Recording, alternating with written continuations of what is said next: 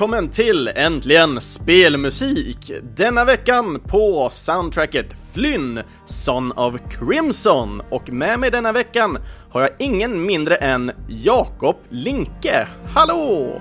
Hallå, hallå! Underbart att få vara med. Ja, men underbart att få ha med dig här. Det var kul här. Mm. Ja, då ska vi prata lite spelmusik idag. Det ska vi absolut göra och eh, framförallt så måste vi ändå nämna att du är ju egentligen den första, ska man säga, regelrätta spelmusik eh, liksom kompositören som liksom är får ett så eget, alltså? ja men som får ett eget avsnitt. Eh, Ja, men jag, liksom. känner mig, jag känner mig hedrad redan de här första tio sekunderna. Ja, ja men det är, det är att få ha med dig här. Ja, men då får vi ta världen med storm här nu så att det fortsätter komma kompositörer hit. Ja, absolut. Det hoppas jag. Det, det är bara för folk att, som är kompositörer att, att kontakta mig också. Men Det eh, hoppas jag gör. yes, då ska vi se. Vem är Jakob Linke då? då? Eh, Vi Ja. kan ju börja med när vi tittar igenom eh, musik som du har gjort innan. Och eh, ett av de första spelen som jag har kunnat hitta är Cloudbuilt år 2014 som Mm. utvecklades av eh, Coilworks AB. Det var några år sedan det där ja. Eh, Det finns faktiskt projekt som jag har varit med på långt tidigare än det faktiskt. Eh, Jag vet inte om jag ska börja med lite historik om vart jag kommer ifrån och sådär. Det tycker jag absolut du ska få göra. Jag började, jag började egentligen med musiken ganska sent. Det var väl först på gymnasiet som jag tyckte att det, ja, men det här är ju faktiskt roligt. och jag fick mig min första gitarr och plinkade på den. Jag tänkte väl aldrig egentligen att det skulle bli en karriär av det, men sen eh, efter gymnasiet så, ja, men jag kanske ändå ska prova. Jag sökte in till Musikhögskolan och jag kom in. Och det var ju då en utbildning som eh, den var väldigt inriktad på just musikproduktion och komposition och egentligen alla bitar inom musik. Mm. Och eh, ja, min bakgrund var väl så att jag hade ju inte så mycket kunskap egentligen. Jag kunde inte läsa noter, jag kunde spela lite gitarr och lite sjunga och sånt där. Men alltså just det här skriva musikbiten, det var någonting som blev lite ögonöppnande på den här utbildningen. Och vad som fick mig att komma in på det här med spel då, det var ju Ja, dels har jag alltid tyckt om spel så det, och spelmusik. Men sen så utbildningen i sig, det var, jag gick på högskolan i Skövde. Och utbild, utbildningen i sig var lite sammankopplad till, eh, för det finns väldigt mycket spelutvecklare i Skövde. I och med att det finns en utbildning där också. Det finns det absolut. Inom det. Och eh, ja, men jag hörde mig för lite med folket där. Och det var lite så, det var då jag fick kontakt med de här Coilworks då som gjorde Cloudbuild. Mm. Eh, Ja, de- det var ju, de det, var ju deras, ja precis, det var ju deras första projekt, eller första riktigt stora, ordentliga projekt. Yes. Och, Och, här är det eh, lite kul från min sida också för jag, eh, jag träffar ju på en av utvecklarna till just eh, ifrån Coilworks då, då på. GameX det året när de, ja, jag tror det var samma år de skulle släppa eller om det var året efter de skulle släppa. Ja, ja, ja. Och då Ja, vem var- vem var det då? Eh, Åh, vad var den hette? Jonathan Sö... Söderlö... Nej, vad hette han? Eh, Det känner inte ens jag igen. Nu känner jag mig dum. Ja, men jag, jag kommer inte ihåg, men det var genom honom som jag fick kontakt med dem och därifrån som började jag liksom prata med fler och fler av utvecklarna. ja, ja. Gjorde jag. Och eh, jag var även med, oh, var det crowdfunding de gjorde på spelet eller släppte de det? Nej, det, de släppte Nej, det var bara ingen, sen. ja, det var bara... Det var Var ingen det? crowdfunding där. Nej, för jag vet Men, att jag pratade med dem väldigt mycket och sen hade jag även med och han eh, ja, nu får jag ju verkligen ursäkta mig, jag får kalla honom Jonathan nu bara för att det är Ja, jag gör det. namnet som kommer upp i Det är huvudet. fint namn. Jag vet att han slutade i alla fall från Coilworks och gick någon annanstans senare Ja. i alla fall. Uh, men jag, jag pratade väldigt mycket med honom och han var även med i uh, uh, Videospelsklubbens egna podcast när vi var och pratade lite mer om spel och hade med honom då, då som för att prata just om uh, Cloudbuild och försöka Ja, ja, få lite mer pepp för spelet. Mm. Så det blev lite kul för mig när jag väl såg att du hade jobbat även på soundtracket. Där. Ja, vad är oddsen? Ja, vad är oddsen? Ja, nej, men det här var väl... Ja, det var ju 2010 egentligen tror jag. Jag började ha lite kontakt med dem och sådär. Och det var ju egentligen inte ens Cloudbuild som det handlade om då. Det var ju ett annat projekt som sen övergick till att bli Cloudbuild. Mm. Eh, Så det finns egentligen ett till soundtrack då som inte är utgivet. Som var till det här första projektet då. Eh, Sen fick vi göra om det då och så byggde vi på ett nytt soundtrack då till Cloudbuild. Men ehm, i alla fall under den utbildningens gång så gjorde jag även musik till, eh, det var ju egentligen ett skolarbete. Eh, Men det var ändå ett ganska häftigt projekt för att då fick jag spela in musik med en riktig symfoniorkester. Oh. Och det var, vad var det? Det var Karlsborg Turism som höll på med att de har någon sån här eh, guidad tur där borta på Karlsborgs fästning. Och då skulle Okej. de rusta upp den här och ha massa häftiga spel och sånt som ungdomarna skulle få spela när de kom dit. Och då gjorde ju jag lite orkestermusik till det. Och det, det var väl egentligen det som var mitt allra första spel. Jäklar. det var- Ja, det är roligt. Det är superhäftigt ju. Ja, nej men det var väldigt lärorikt och roligt. Eh, därefter har jag gjort eh, något litet mobilspel. Eh, mest för att testa på. Det var ju innan jag egentligen visste att jag ville jobba med spelmusik. Eh, jag har alltid varit väldigt intresserad av filmmusik, något som jag har tappat lite i och med att intresset för spelmusiken har vuxit så pass mycket. Mm, mm. Eh, så ja, Cloudbuild var väl egentligen det största, större spelet jag har varit med i. Och det släpptes som du sa 2014. Så det, Yes. det kom en ny version nu i år faktiskt som heter Super Cloudbuild. Yes, det stämmer. Remastered inom parentes där. Yes. Eh, och även innan det nu då så har vi även då för att nämna Move or Die 2016 av företaget Those Awesome Guys. Ja, och de är så awesome så det är otroligt. Ja, jag träffade faktiskt, Ja. han, är från Rumänien han som eh, började utveckla det. Mm. Jag träffade honom för att han var på Swedish Game Conference nu i Skövde för bara ett par veckor sedan. Ja. Och det var första gången jag träffade honom och det är så häftigt att man kan jobba så Alltså med folk från hela världen. Så ni jobbar på distans då för Move or Die? Ja, precis. Mm. Eh, Det har jag ju egentligen gjort med alla spel jag har jobbat på i och med att jag jobbar hemifrån. Så blir det så. Men att det inte ens spelar någon roll ifall man kommer ifrån Rumänien. Det tycker jag är coolt. och det, det var ju ett eh, lite, var lite spännande spel också. För det var, det var, där fick vi jobba mycket med dynamisk musik. Att eh, musikspåren skulle liksom glida in i varandra och allting skulle liksom passa ihop som en handske. Mm, mm. Och det var liksom inte bara, ja men här har vi ett spår till den här miljön och här är ett annat till den här miljön och det ska vara den känslan. Utan allting skulle passa hela tiden för att de skulle kunna fejda in och ut från varandra hela tiden. Men det är lite som man säger att det, det ska vara en, en, en, liksom, en sömlös Ja, del precis. mellan musiken då. Det var väl det som var lite utmaningen där. Att få allting att bli det. Mm. Helt enkelt.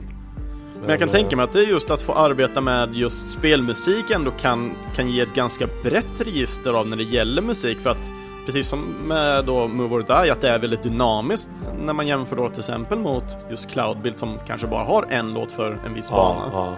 ja, det blir ju väldigt brett. Både med eh, att jobba på ett dynamiskt sätt så att man kan eh, lägga på fler spår på varandra i takt med vad som händer med, i spelet då. Men eh, också genremässigt kan man ju gå loss väldigt mycket också. Mm, mm.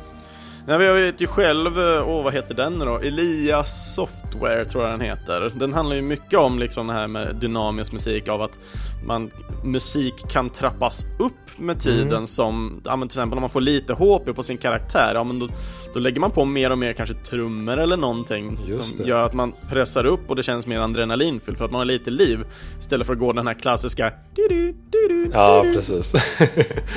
jo, men lite så hade vi väl i Move or Die. Kanske lite mer basic. Eh, Men det var ändå som att eh, om det blev sudden death till exempel. Det är ett partyspel så det var full rulle i, i spelet hela tiden. Men om det blev sudden death då. Då gled musiken över till ett annat musikspår som egentligen var samma fast det var en mera stressad känsla. Eller vad man ska säga. Eh, mer, mer sån här RPM eller vad man säger.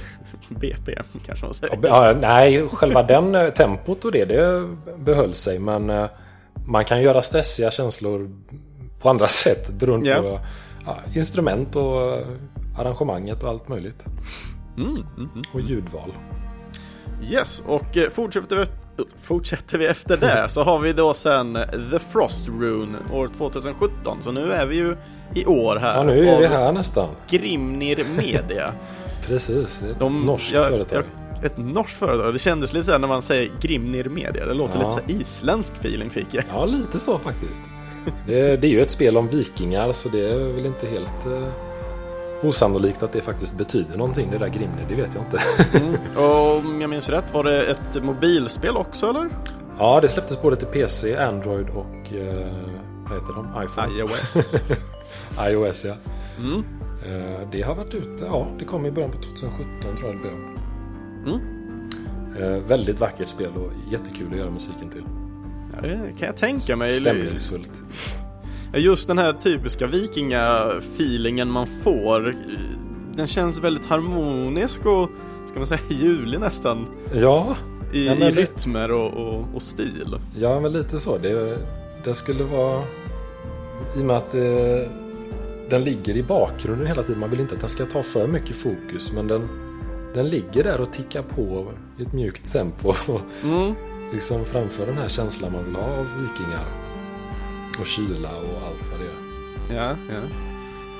Och sen då när vi väl kommer tillbaka då till just Super Cloud Build. när man gör ett remasterat spår, hur känns det då att arbeta med egentligen samma musik en gång till? Ja, på ett sätt var det ju väl ganska trist i och med att jag hade nött det här så pass länge, det här soundtracket. Ja, det var ju var det, fyra år då, då från 2010 till 2014 ja, det, då. Precis, det var inte som att jag hade jobbat på det i fyra år, men att behöva gå tillbaka på det. På ett sätt var det lite jobbigt. För att jag visste om att det var mycket jag inte var nöjd med och att det behövdes väldigt mycket arbete med att göra det till någonting jag kan bli nöjd med. Mm, mm. Eh, samtidigt så när man fick se resultat eller höra resultatet sen så blev man ju väldigt nöjd, eller jag i alla fall. Mm. Och eh, ja, det, utmaningen blev väl att eh, hur man skulle lyfta det från det det var tidigare till Supercloud-bild då. Mm. Och du kände att det var en ganska stor, var en stor utmaning ändå att just uh, känna, för nu är vi ju ändå, det har ju gått tre år med, där du kunnat jobba med annan musik ja. liksom och kunnat utvecklas inom just uh, spelmusikens ja. medie. Jag jobbade inte så mycket med spelmusik uh, mellan de åren, då var det mycket kortfilmer och sånt där. Jag kände ett litet sånt sug att komma tillbaka lite på filmbranschen där, men det Sen så fick jag ju det här erbjudandet att, att göra en eh, remaster och det... Ja, de spåren som man faktiskt inte var jättenöjd med kanske från början. De var ju väldigt roligt att jobba med. Mm. Och eh, man kände verkligen att när jag kan lyfta det här till någonting helt annat. Mm. Mm. Om det gäller med nya instrument eller bara nyinspelningar, en sån enkel grej. För att yes. få liksom sin riktiga vision av hur det skulle låta från början. Jag menar, jag har ju ändå lärt mig en del på de här åren.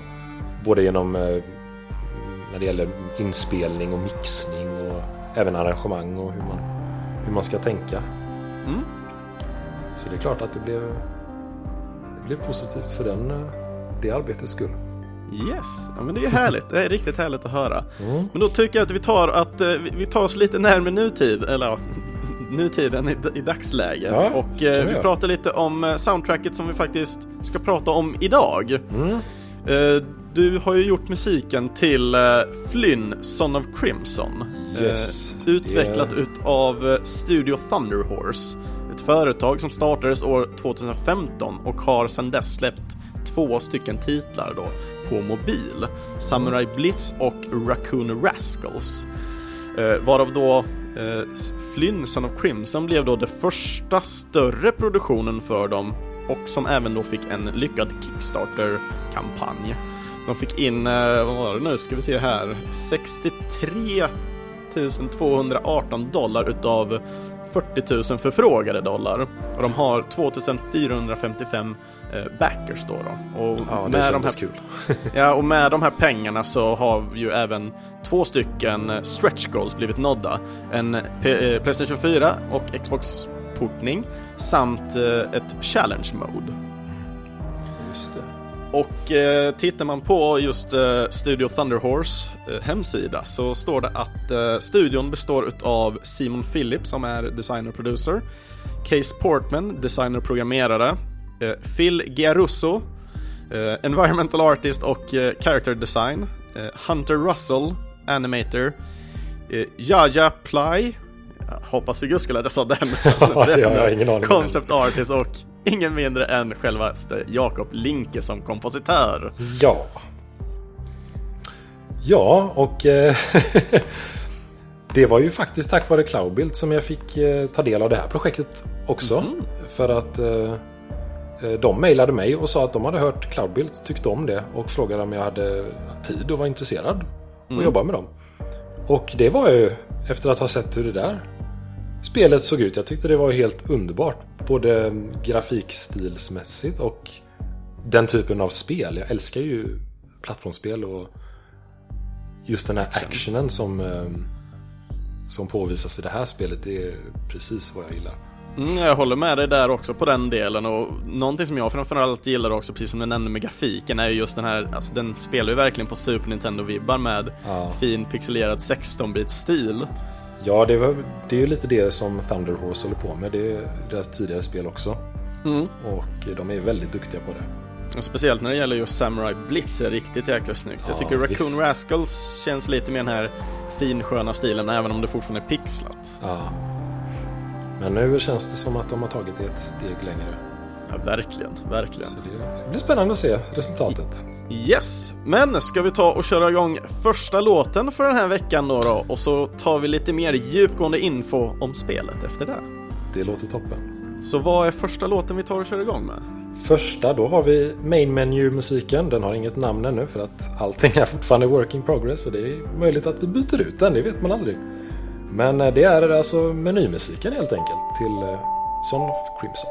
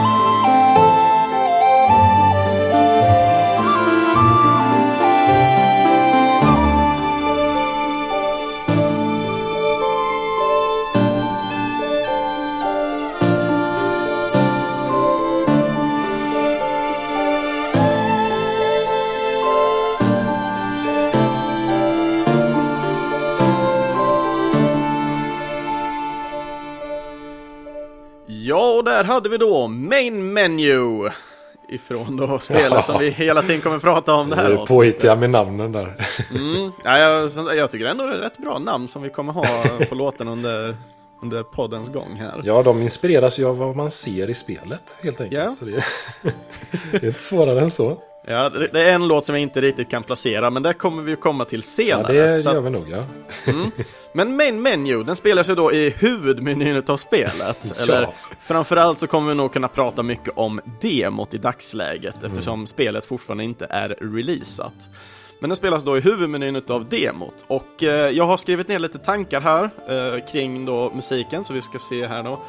Eh, jag tycker låten är en väldigt lugn och harmonisk låt. Eh, den känns aningen keltisk slash japansk i feelingen, speciellt när flöjten kommer in, vilket också är mitt eh, favoritparti i den här låten.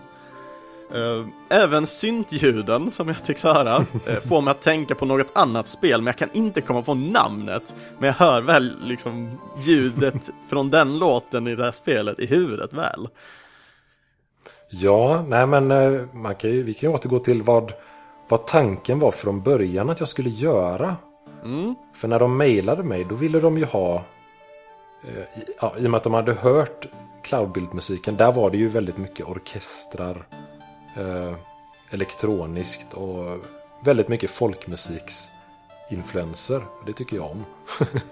mm. eh, och sen allt det här med eh, chiptune, alltså hela retrokänslan. Och då ville de ju ha chiptune-inspirerad musik med orkestrala och lite mer moderna vibes. Något som jag tycker att vi gick ifrån lite sen. För att jag kände helt enkelt att det passade inte riktigt. Mm. Uh, och det gick de med på, tack och lov. Okay. Uh, så det blev lite mer åt det folkmusiksaktiga hållet. Precis som du sa, uh, jag är väldigt inspirerad av den asiatiska musiken och även nordisk folkmusik. Mm. Mm. Och att kombinera det här med ja, både orkester och lite retrokänsla. Jag tyckte det blev en väldigt mysig mix på det hela. Mm. Ja, just eh, någonting som jag märkte just på de låtarna när jag lyssnade igenom det här soundtracket. Det är ju mycket av den här, kan man säga, skorriga eh, chiptune-aktiga ljudet. Mm. Och den, den gillar jag så jäkla mycket själv. Vad kul! Ja, jag satt väl i en synt och helt enkelt bara latchade lite. Och jag tyckte att jag fick fram ett ljud som var coolt. Ja, ja jag gillar det jättemycket. Så. Det är ofta så man gör. Man gör väldigt mycket grejer på random och så tänker man att det kanske går att använda till någonting. Mm. Ibland är det slumpen som avgör vad det blir också, hela helheten. Ja. Men när det kommer till eh, då när du började ta kontakt då med, med Studio Thunder Horse. Mm. Eh, vad var liksom sagt från början? Har ni, var det prat om hur många låtar du skulle göra till, till spelet från början redan? Eller var det... Nej, det var det väl egentligen inte. Det var... Jag visste ju ingenting om hur, hur stort spelet skulle vara eller ens vilka plattformar det handlade Jag visste väl att det var PC.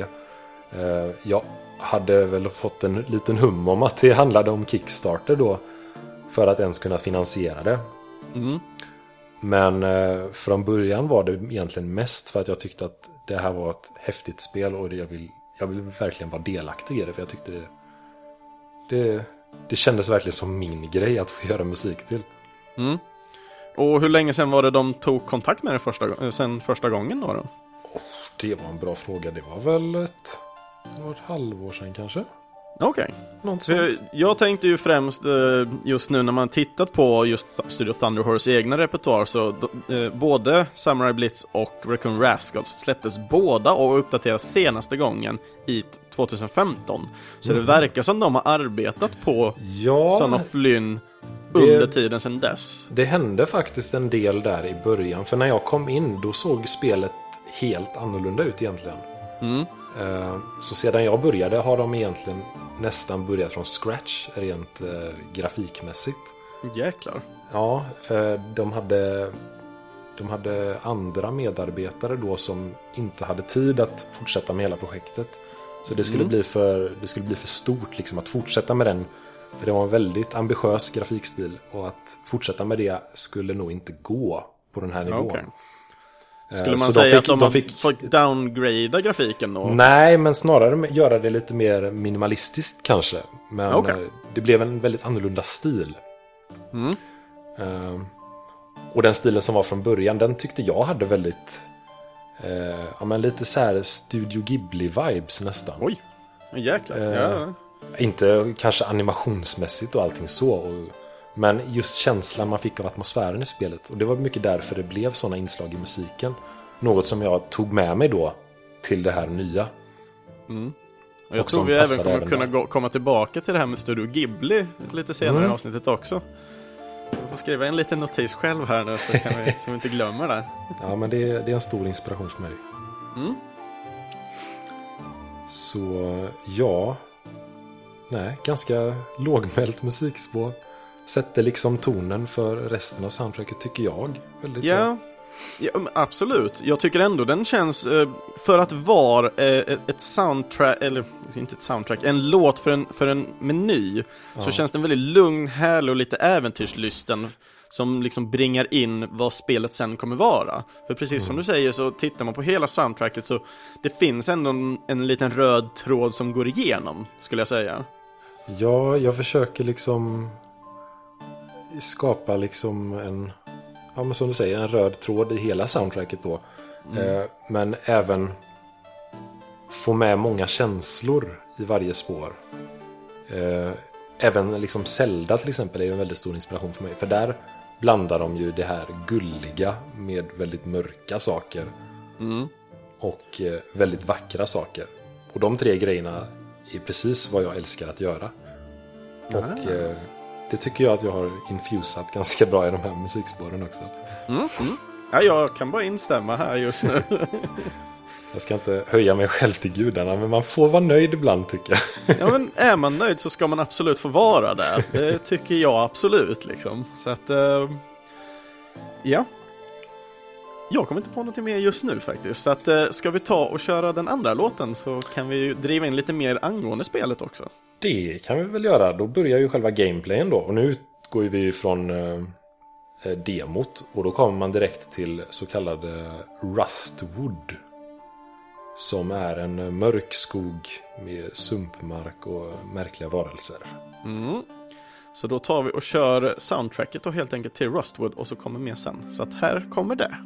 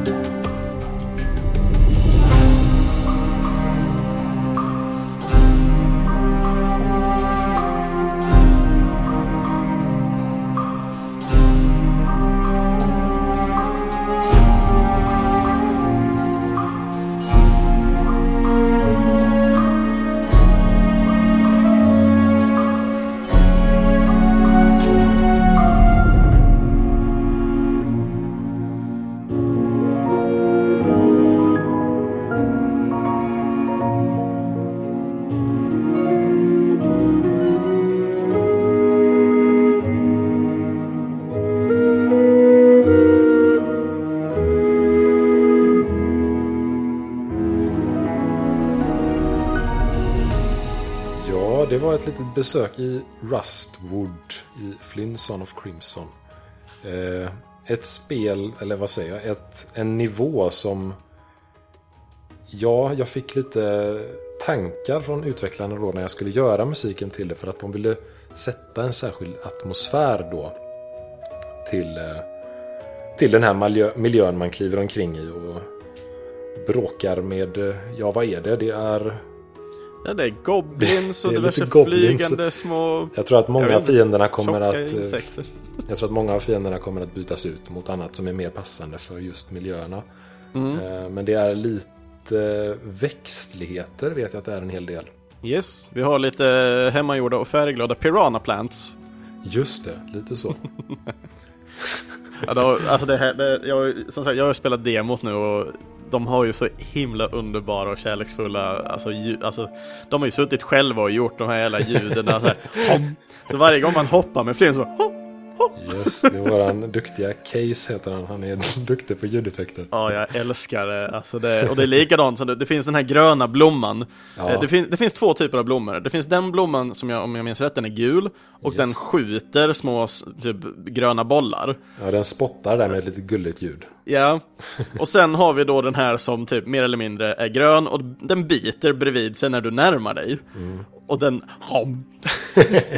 det är jäkla ljud, alltså jag kan stå bredvid och bara lyssna på honom fnissa lite för det är så underbart. Ja, men det, det är en lite gullig känsla tycker jag i spelet. Verkligen. Alltså- Samtidigt som den har en allvarlig ton också. Mm. Och eh, ja, tankarna jag fick till den här nivån var ju att det skulle vara som att man, man kliver i geggamoja och man kommer ingen vart. Eh, Och Det är det precis är det man gör i väldigt- spelet också ibland. Ja, det är väldigt deppigt egentligen och eh, trögt. Samtidigt som det finns lite ljusglimtar och lite gullighet, eller vad man ska Mm. säga. Och du pratar ju precis om det jag har nästan skrivit ner. Du har Ja. skrivit då Rustwood, den spelas i de bruna skogspartierna. Just det. Eh, De återkommer flera gånger, eller flertalet gånger under eh, demots gång. Och det jag har noterat på den här låten själv då, det är att det är dystra toner med, mysti- eller med mycket mystik. Det är lite som en vind eh, går igenom en förlorad skog, men sen att man får lite hopp som sedan då dras ut på igen. Ja, men det var fint sagt. ja, nej, men även, även den här lite hero, heroic-känslan vill man få till ibland. För att man, man är ju ändå man är ju ändå en liten hjälte som springer där. Och även om det är en dyster miljö så finns det, lite, finns det liksom en heroism i det hela. Ja, och det, just den här heroismen som du pratar om, den kommer ju igång ungefär kanske nästan kan det vara 1.40, två minuter in i låten. Då, då liksom speglar det upp lite som ett, ett hopp i, i mörkret kommer fram. Ja, Och när man ändå vandrar omkring där liksom, och hoppar runt och klättrar och, och svingar sig då emellan liksom. Så jag tycker det, det passar väldigt bra liksom med det grafiska samtidigt som man hör musiken. ja men det, det är kul att höra. Jag, jag tycker det, det kan bli lite trist när det är liksom om det skulle vara samma deppighet då som egentligen bara loopades om och om igen. Då blir man liksom fast i det och det, man får ingen känsla av miljöerna. Men om man får det att hända lite mer i musiken så tycker jag att man kan skapa sig en bredare bild. Mm.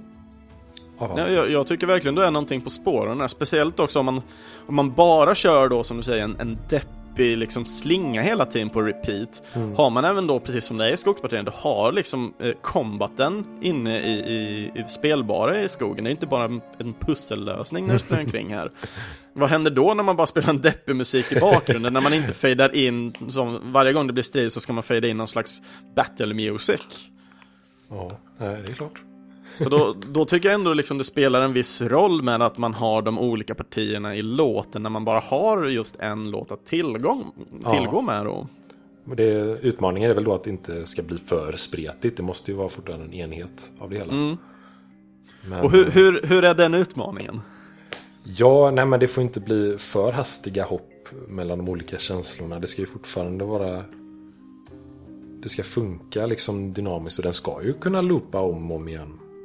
Ifall man är fast i den här miljön och inte kommer vidare. Utan att det känns som att det återupprepas för mycket. Men eh, ja. Eh, Yes. Jag, kan, jag kan ju ta upp en annan inspiration jag har Absolut. just till det här soundtracket då. Det är ju eh, Gareth Cokers eh, Ori and the Blind Forest. Oh. Jag har faktiskt aldrig spelat spelet men jag vet inte hur många gånger jag lyssnat på soundtracket för jag tycker det är så fint. Ja, det är ett väldigt fint soundtrack. Eh, Jag själv har ju en, en nära relation till det här spelet. Delvis Ja. att jag har spelat och tycker det är ett extremt fint och, och bra spel.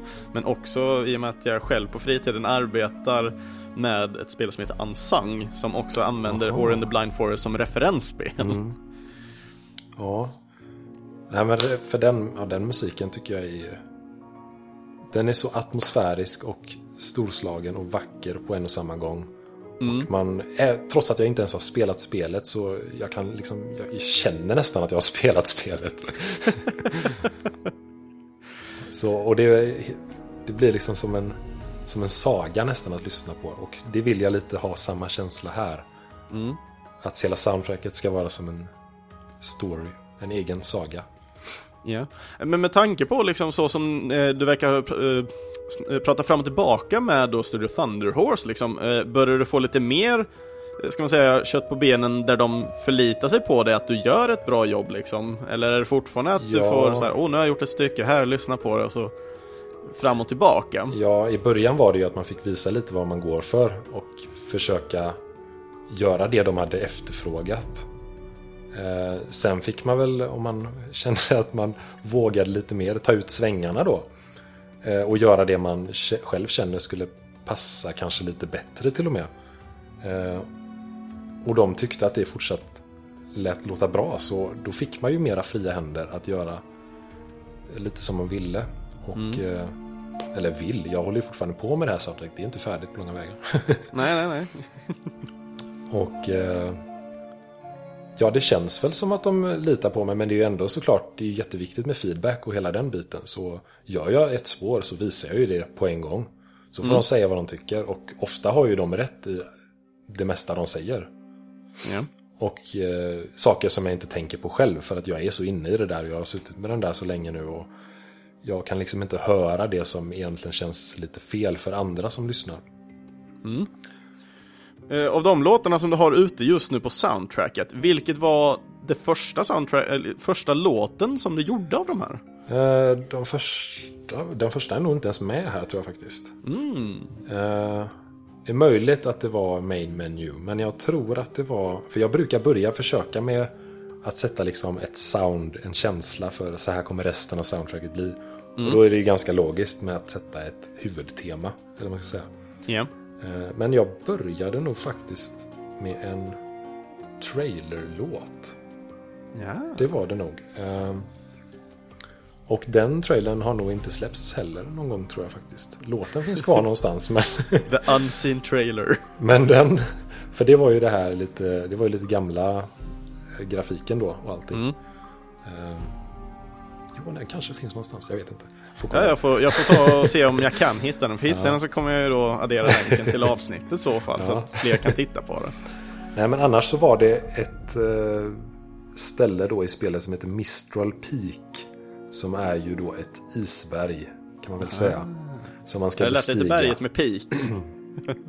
Ja, och då satt jag med, eh, det var väldigt mycket syntar och sådana grejer. Så jag satt faktiskt med min lilla laptop och knappade. Eh, med så här lite kristallaktiga ljud. Mm. Och gjorde en, en islåt helt enkelt. Det första när jag tänker is och, och snö, då tänker jag alltid Snowcap ifrån eh, Sonic. Ja, ja, ja, ja. Eh, Sonic var faktiskt med i den här eh, trailern som ett litet Easter egg. För att de hade, de hade honom som en placeholder för någon annan fiende.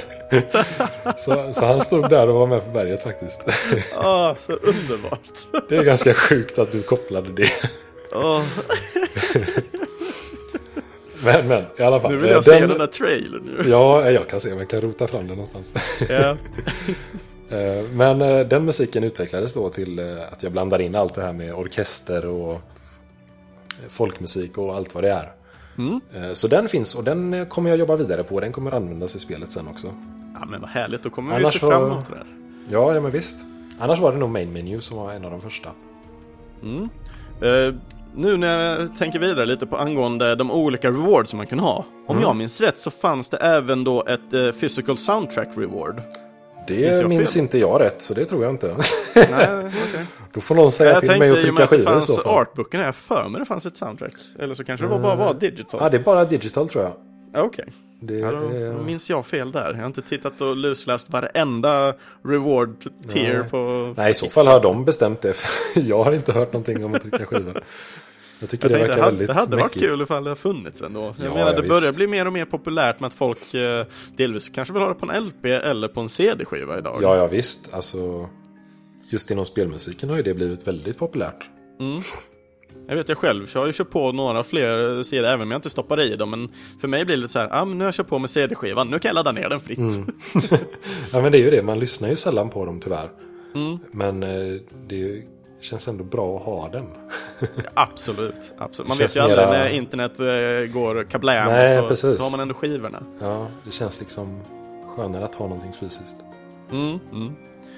Så, vad handlar självaste Flynn om? Jag har gjort en liten summering och den här summeringen är egentligen eh, summeringen som, de, som Thunder Horse själva då, har, har gett. Så spelet, man tar då rollen som pojken Flynn, då en ung man som har blivit föräldralös som barn, som ger sig iväg för att jaga skuggor av, av sitt förflutna medan han väcker de uråldriga krafterna av Crimson inom sig. Under resans gång så kommer man hitta både reliker ifrån världens, eh, från världen eh, Rosantica, som då hela den här världen som man springer runt i heter. Eh, man kommer finna statyer och monument tillägnade gudinnan Sorrel. Eh, då som ger Flynn ledtrådar om hans förflutna och låser upp nya krafter. Man kan springa omkring och hitta gömda gångar och handla med stadsbor, slåss mot vilda monster och hänga med hundar. Vem vill inte hänga med hundar liksom? Ja, han är med där på ett hörn i demon. Yes, och det är ju då jag skrivit som en liten, liten notis. Man har en medhjälpare och det är hunden Dex. Ja. Som är extremt majestätisk, måste jag säga när han ja, springer. jag hoppas nästan att han ska få ett eget musiktema sen. Det hade varit roligt. Och då- då, då får du titta lite på musik till Silverfang tycker jag. Och, Ja, den gamla serien ja. ja, Silverfang eller Weed, då blir jag nöjd. ja. Jag såg lite Silverfang när jag var liten, men det var många år sedan nu så... Usch, ja, jag minns själv när jag såg den på gamla VHS-kassetter. Ja, Ja, just det. ja, det var en bra serie. Ja, den håller säkert idag. Ja, säkerligen, säkerligen. Eh, möjliga vapen i Flynn. Eh, spelet då kombinerar ju då runt att man ska variera sitt arsenal kring, kring vapen. Eh, man har en båge att tillgå som man alltid kan använda via en knapptryckning. Eh, sen ha, börjar man då, eller det första vapnet man får då, då eh, man börjar med bågen, men det första vapnet man får är ett svärd. Eh, medium range och man kan slå kvickt med det. Eh, nästa vapen man får är en yxa, eh, slår hårt och eh, slött. Och det sista, men också mitt favoritvapen, för satan jag älskar sådana här vapen, det är klor. Ja, björnklona Ja, ja. Ja, jag känner mig som en jävla badass motherfucker. Ja, tanken är ju sen då att man ska swappa mellan de här vapnena mitt i striderna för att kunna göra häftiga kombos. Eh, Det är lite det actionen i spelet handlar om. Eh, Det påvisades väl inte jättemycket i demon eftersom många av de här movesen fortfarande är under utveckling. Men Ja, och det känns ju kunna... även när man spelar också, för att eh, när du väl utför en attack så kan du inte, ska man säga, köa upp att du ska göra ett Nej, vapenskifte. Nej. Vapnets attack måste spelas ut innan du kan göra ett skifte. Ja. Men tanken är ju då att man ska kunna göra häftiga kedjor med moves. Och det, det märker man ju också även i, i demot ändå, för att till exempel då svärdet, den kan du ju använda för att göra som ett uppercut-slag, vilket gör att fienderna liksom studsar upp i luften och sen kan du bara fortsätta slå dem. ja. Eh, yxan till exempel, den kan du ju dra, göra ett överhuggsslag så du slår ner i marken och träffar du en fiende då så blir de stunnade. Eh, och använder du klorna är du i luften och trycker neråt och attack. Då gör du en sån här gammal eh, Tasmanian spin som börjar spinna loss på fiender. Just det. Och det, pil, det, det pilbågen finns många stannar man... referenser här tycker jag. Ja, ja, visst. Och pilbågen stannar man kvar en stund i luften om man laddar den. Yes. Och det gäller ju egentligen de flesta vapnen har för mig också, att du har en liten, liten luftstanning Liksom när du väl slår, men sen, sen börjar du ju falla direkt efter också, men det finns mycket att tillgå till när man väl tittar på olika arsenalen i kombination med varandra. Eh, sen har du även en combat roll som man kan använda för att ta sig undan. Och sen finns det en knapp för att då eh, kunna hila sig själv och där har man då tre stycken, eh, ska man säga, pluppar på. Så du kan hila upp dig själv tre gånger. Och de healar ju bara en viss procentuell del av ditt liv så att du får inte liksom 100% varje gång du använder den. Och de här får du tillbaka när du besöker ett av de här monumenten som också agerar som checkpoints. Yes, och det är den här gudinnan Sorrel som pryder det monumentet. Mm.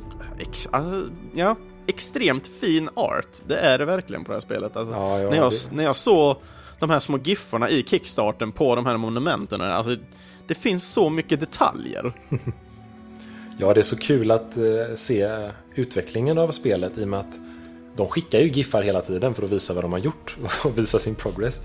Så varje dag så sitter jag bara och tittar på alla de här häftiga grejerna de har gjort. Och ja, men det är så roligt att se liksom steg för steg hur de jobbar också. Mm.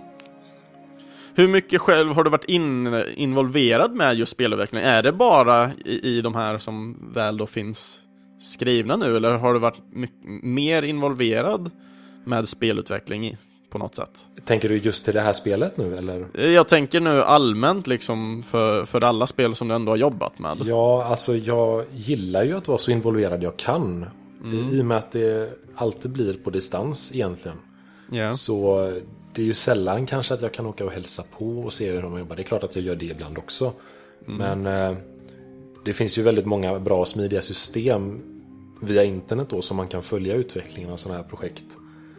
Eh, vi använder mycket Discord och liknande eh, program då för att kunna skicka våran progress och jag, jag är ju såklart med och ger feedback på det som jag känner att jag kan tillföra någonting till. Mm. Men eh, jag är ju inte med och bestämmer så. Jag får bara ge mina synpunkter. Yeah. Jag, jag, tänker ju främst framförallt på mig själv också. Jag är ju visserligen level designer men att, att ändå få bli kopplad och vara i närheten av typ programmerare och, och eh, grafiker framförallt då som har varit för min del. Ja. Så har jag blivit så extremt eh, passionerad över alla olika jobb. Och jag ja, blir så ja, inspirerad visst. själv och liksom så ah, nu jäklar ska det designas liksom. Ja, nej men visst, nej men bara alltså att höra folk diskutera om programmeringen, hur saker och ting ska funka rent gameplaymässigt och hur de diskuterar om storyn och sånt. Allting sånt eh, influerar ju mig också i musiken och inspirerar mig där. Mm. Så det är klart att alla de bitarna är ju väldigt kul om man kan vara med under spelets utveckling då. Ja. Och att man inte bara kommer till en färdig produkt och musiksätter den. För att då får man inte riktigt samma känsla om, som att man har varit med från början. Mm, mm, mm. Så det är kul att få vara med tidigt i utvecklingen av spel. Ja, det kan jag verkligen tänka mig. Och speciellt också när de har gjort om grafiken och sånt också i, ja. i ett väldigt skede. Jag vet själv att det tar extremt lång tid att bara liksom få till saker ibland. Ja, ja, visst. Jag gillar ju verkligen att jämföra så här. Åh, oh, men eh, varför, kan, varför tar det 40 år för, för ett företag att göra, göra ett spel? Bara? Ja. ja. Men den första banan i Mario Bros, säg att den tar tre timmar att tillverka liksom om du har alla saker framme kanske för att ja, men det ska kännas bra när man springer runt och allting. Mm. Hur lång tid tar det att springa igenom den? 18 sekunder. Ja, ja precis. Och då blir det så här, ja, då sätter vi det här i perspektiv. Vi vill ha ett spel på två timmar. ja, nej, men det, det är svårt att ge folk en uppfattning om hur mycket tid saker tar. Det var ju efter Kickstarten här, det var ju väldigt mycket klagomål på att det bara var Playstation och Xbox då som skulle vara ett stretch goal. Mm. För det var väldigt många som ville se spelet till Switch. Och att det skulle yes. vara en väldigt passande pl plattform. Och det vill ju vi också. Men eh, spelet utvecklas i Game Maker 2. Och det stöds inte av Switch. Nej, Så det skulle det... betyda att man behöver göra om hela spelet från grunden. Yes, och det är ju väldigt jobbigt. Delvis kanske det... lära sig en ny motor då, om, om de själva inte utva eh, vana med det. Ja, så vi får väl så... se om det kommer ett Switch-stöd för den här motorn. Då är det ju mycket möjligt att det kan bli aktuellt. Men... Uh, yes. Vi får väl se. Ja. Ska vi ta och köra nästa låt? Vi har pratat på rätt mycket här nu, så vi, Mm. jag tycker det känns bra att vi går in på den lite mörkare sidan av, Ja, av den här världen. Prata lite mer om fienderna också kanske. Mm. Efter det. Så vad har vi för låt nu på listan? Ja, man kan hamna i en... eh, Ja, det finns ju lite portaler och sånt. Ja, det har vi inte pratat om. Nej. Eh, Man kan kliva in i portaler och hamna i det så kallade Scourge-landet, eller vad man ska säga. Yes. Och eh, ja, det är en eh, mörk version av Rosantica kan man väl säga. Mm. Och där lurar det faror, så att säga. Yes. Och mer om de här farorna tar vi då efter låten då. då. Så här kommer The Scourge.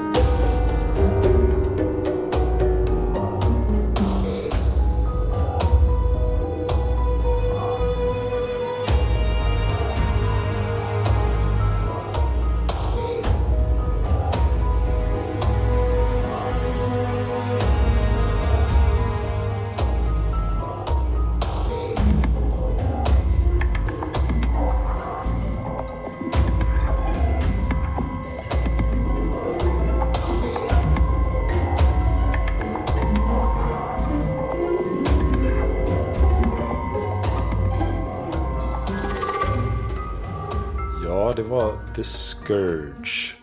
Ett, eh, en plats med eh, äckliga varelser, insekter och liknande mystiska grejer. Som man får eh, tampas med. Ja, det är vill eller nu börjar vi gå mot mycket spindelaktiga saker och väldigt mycket ögon börjar vi komma till nu. Mm. Och lite- eh, färgtemat är väldigt mycket mörkt och lila och blått. Det en lite disturbing känsla av allting och det vill jag förmedla lite med musiken också. Det är, jag har det här eh, liksom tuffande bitet som går hela tiden i, i samband med allt konstigt som händer i musiken. Det är, det är egentligen inte så... Det är inte klassisk... Alltså... Det är inte klassisk stämföring riktigt. när det gäller eh, ja, men hur jag sätter ackord och melodi. Utan det, det ska vara lite så här... Äh, vad heter det? Ja, men, eh, att det känns lite fel nästan. Ja, men Jag Det- tror, är det lite fel med musiken också så kanske det bara Det känns lite fel med eh, vart man befinner sig i Ja, spelet man, ska inte, också man ska inte vilja vara där riktigt. Mm. Så, Ja, jag, jag har ju som sagt skrivit lite mer noteringar på den här också och eh, Nu ska vi se, The Scourge, den spelas då i de mörkare partierna då där skuggmonstren finns Som jag har valt att kalla dem, de har säkert ett finare namn.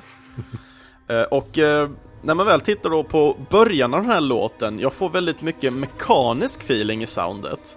Eh, Det är mycket spänning i luften Och det passar perfekt till temat av de här sektionerna i demot De enklare tonerna som finns som kommer in lite när det är lite lugnare parti i låten Så blir det så här dun, dun, dun, dun, dun.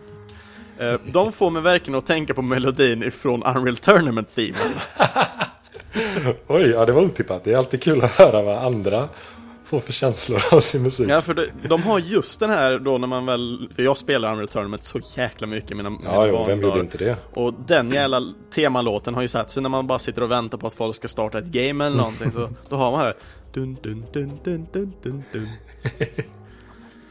Ja, och sen då så senare då mot den så går man ifrån den mekaniska feelingen och gå till en lite mer spöklikt sound ju längre musiken går. Och eh, emellan, eh, just, det här är en fråga specifikt till dig nu då eftersom du är den skyldige till det här soundet. Eh, mellan eh, 2 minuter och 22 sekunder och 2 minuter och 37 sekunder så finns det ett skrapljud. Jaha, där ja, det kommer jag ihåg vad det är. Ja. Min fråga då är, är det en kam eller en dragkedja? ja, men ja, nu vet jag vad du menar faktiskt. Eh, det är nog faktiskt en synt som jag har tweakat. Oh. Ja, just det. Jag lyssnar på den nu bara för att uppdatera mig. För det, det kommer ett skrapljud och jag var så här, alltså det här låter som, precis som en kam när man drar på, på liksom ytterkanten. Ja, men lite så här, jag, såna, jag försökte hitta så här äckliga ljud, sådana som liksom svider lite när man lyssnar på dem. Och det är speciellt Sånt en som- använd kam som någon med Ja, använt. Så. Jag tänkte lite så här med, eh, ja men, eh, dra gaffeln eh, i en tallrik eller något sånt där, men det, det, blir, Mm. det blir lite konstigt. Ja, det är klart, det ska ju vara konstigt, men det passade inte riktigt. Jag vill Nej, ha nej, lite mera, en lite mer organisk känsla i det hela. Men det lyckades jag tweaka fram med en synt, det där ljudet. Så Ja. det, Tweaka fram en kam med en synt. Ja. Det är imponerande. jag imponerande. kunde ju gått hämta en kam, men det, Ja. Det, det, är, det är för lätt. Det är för lätt helt ja, det är för lätt. Man måste ju visa sin artistiska stil på andra sätt liksom. Precis. Få på, åh, en kam? Nej, jag har gjort det helt själv. Ja, nej men eh, det var mycket det de eh, eftersökte till det här temat också. Att det skulle vara jobbigt att lyssna på och lite... Ja, det ska svida som sagt. Eh, Var det här ett sound som du kom fram till snabbt liksom när det gäller liksom Kändes det rätt att gå liksom på, vi- eh, på den här vägen eller fick du arbeta länge med just eh, den mer creepy feelingen av det här soundtracket? Ja, jag tycker ju personligen det är väldigt svårt att göra alltså, läskig musik. Jag har, jag har gjort lite sånt tidigare till... Jag gjorde till en kortfilm som var en, en skräckfilm då helt enkelt. Och jag tyckte det var så svårt för att jag är så van med att liksom... Ja men här gör vi melodi med ackord och det är sån här... Eh, sån här form på låten och det här är vers och refräng och så vidare. Men det funkar ju inte till sån här musik eller till skräckmusik överhuvudtaget för att där... Där ska det vara liksom lite mer random nästan. Eh, Och det, det, det, det, lite, själv- känns lite jobbigt att göra det för det känns fel. Jag vet ju själv hur, hur pass viktigt det egentligen är, för jag har gjort eh, analys på skräckspel. Eh, vad som kommer till just varför skräckspel är skrämmande att spela. Så jag kan tänka mig liksom samhörigheten när det väl kommer till just spelmusik och filmmusik, och speciellt när det gäller skräck då, att det är extremt viktigt hur musiken är, både i typ i ambiens och vad för egentligen verktyg eller instrument man använder när man gör musiken. Som gör liksom hur då, ska man säga, åskådaren eller spelaren uppfattar skrämselfaktorn. Ja. ja jag, jag kommer ju att tänka på... Min första tanke var ju Dead Space. Eh, och det soundtracket av Jason Graves. Han, jag vet inte, jag såg det för massa år sedan. Men han visade lite hur han hade gjort. Dels så har han ju en orkester då. Eh, med jättekonstiga dissonanta stämmor som verkligen inte passar ihop. Men till det här ändamålet blir liksom perfekt. För att det är så himla läskigt. Och han visar sin studio med massa konstiga hemmagjorda instrument och saker som är trasiga och allt möjligt. Och man får vara väldigt uppfinningsrik kan man säga när man ska göra någonting som inte låter som vanlig musik kan man säga. Ja. Och jag kan tänka mig att just den delen är nästan kanske det svåraste att sitta och skapa musik. Att göra den här typen av musik ja. Ja. Jag tycker eh, att det här är det svåraste. ja. Det här och komedimusik det är nästan lika svårt. Ja, nej men komisk musik blir alltid fånig och då blir det inte Ja. bra. Jag menar, det det är den här klassiska, vad är den heter? Bill... Bill Ja, Benny Hill ja. Benny Hill, ja. Den känns som den mest klassiska Ja. i komedimusik. Men också den enda som folk typ vet om. Ja, nej men det är också det här med klyschor och sånt. Alltså, man kan inte köra massa klyschor hela tiden för att då, då vet man att ah, men den här personen har jobbat med klyschor när han har gjort musiken. Ja. Och då, blir, då tänker man bara på det och det blir få, alltså, så här dåliga skräckfilmer och sånt. De har crescendo när man vet att det kommer en skrämselscen eller någonting. Mm, mm. Så det är bättre att försöka hitta på lite egna ljud och sådär. Mm, mm. Har du just i det här soundtracket, har du arbetat själv med några så här, kanske, ska man säga, klassiska liksom referenser eh, till någon sån här som du, som du precis pratade om? Eller har du själv hela tiden försökt hitta någonting nytt, bra, unikt? Eh, till, det här, till den här låten så jag tror jag satt mitt i natten faktiskt. jag jobbar ofta bättre på nätterna. Eh, men det bidrog Vad tycker grannarna om det? Nej men jag kör ju hörlurar i så fall om det behövs. Annars så det är bra isolering här. Ja, härligt. Nej men sådär, jag brukar... Alltså jag har ju så mycket ljudbibliotek och, och sånt där. Och ibland kan man kanske spela in någonting. Man kan ta en gitarr och spela in på något konstigt sätt som man aldrig brukar spela på. Och sen kanske köra massa effekter genom det för att få fram något ljud som känns passande. Alltså det är ofta slumpen liksom som... Mm. Det blir någon slags random-faktor som avgör vad resten av låten ska bli. Och eh, lyckas man sätta ihop alla de här faktorerna så det, ja, det blir en helhet till slut. Mm. Har du någon standardmetod som du gillar uh, liksom arbeta ut efter? Liksom, brukar du vilja sitta och plonka tills du hittar något sound du gillar eller gör du upp en melodi och sen plonkar på den på olika sätt? Ja, det där tycker jag är lite intressant för jag har börjat tänka lite annorlunda med det. Mm. För att tidigare egentligen, alltså tills bara för senaste spelen jag har jobbat på. Jag har jobbat på ett annat spel också så kan vi prata mer om sen. Mm. Men um, tidigare så har jag liksom alltid börjat med pianot eller gitarren och hittat på melodier och ackordföljder som jag tycker är passande.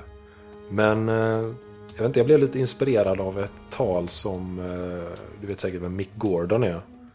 Jag och namn är inte de bästa ibland. Nej, nej, nej. det är kompositören till uh, eh, senaste Doom-spelet bland annat. Ja, ja, ja, och Wolfenstein och Killer Instinct och sådär. Och han, han pratade om hur han brukar göra när han ska sätta sig in i ett nytt projekt.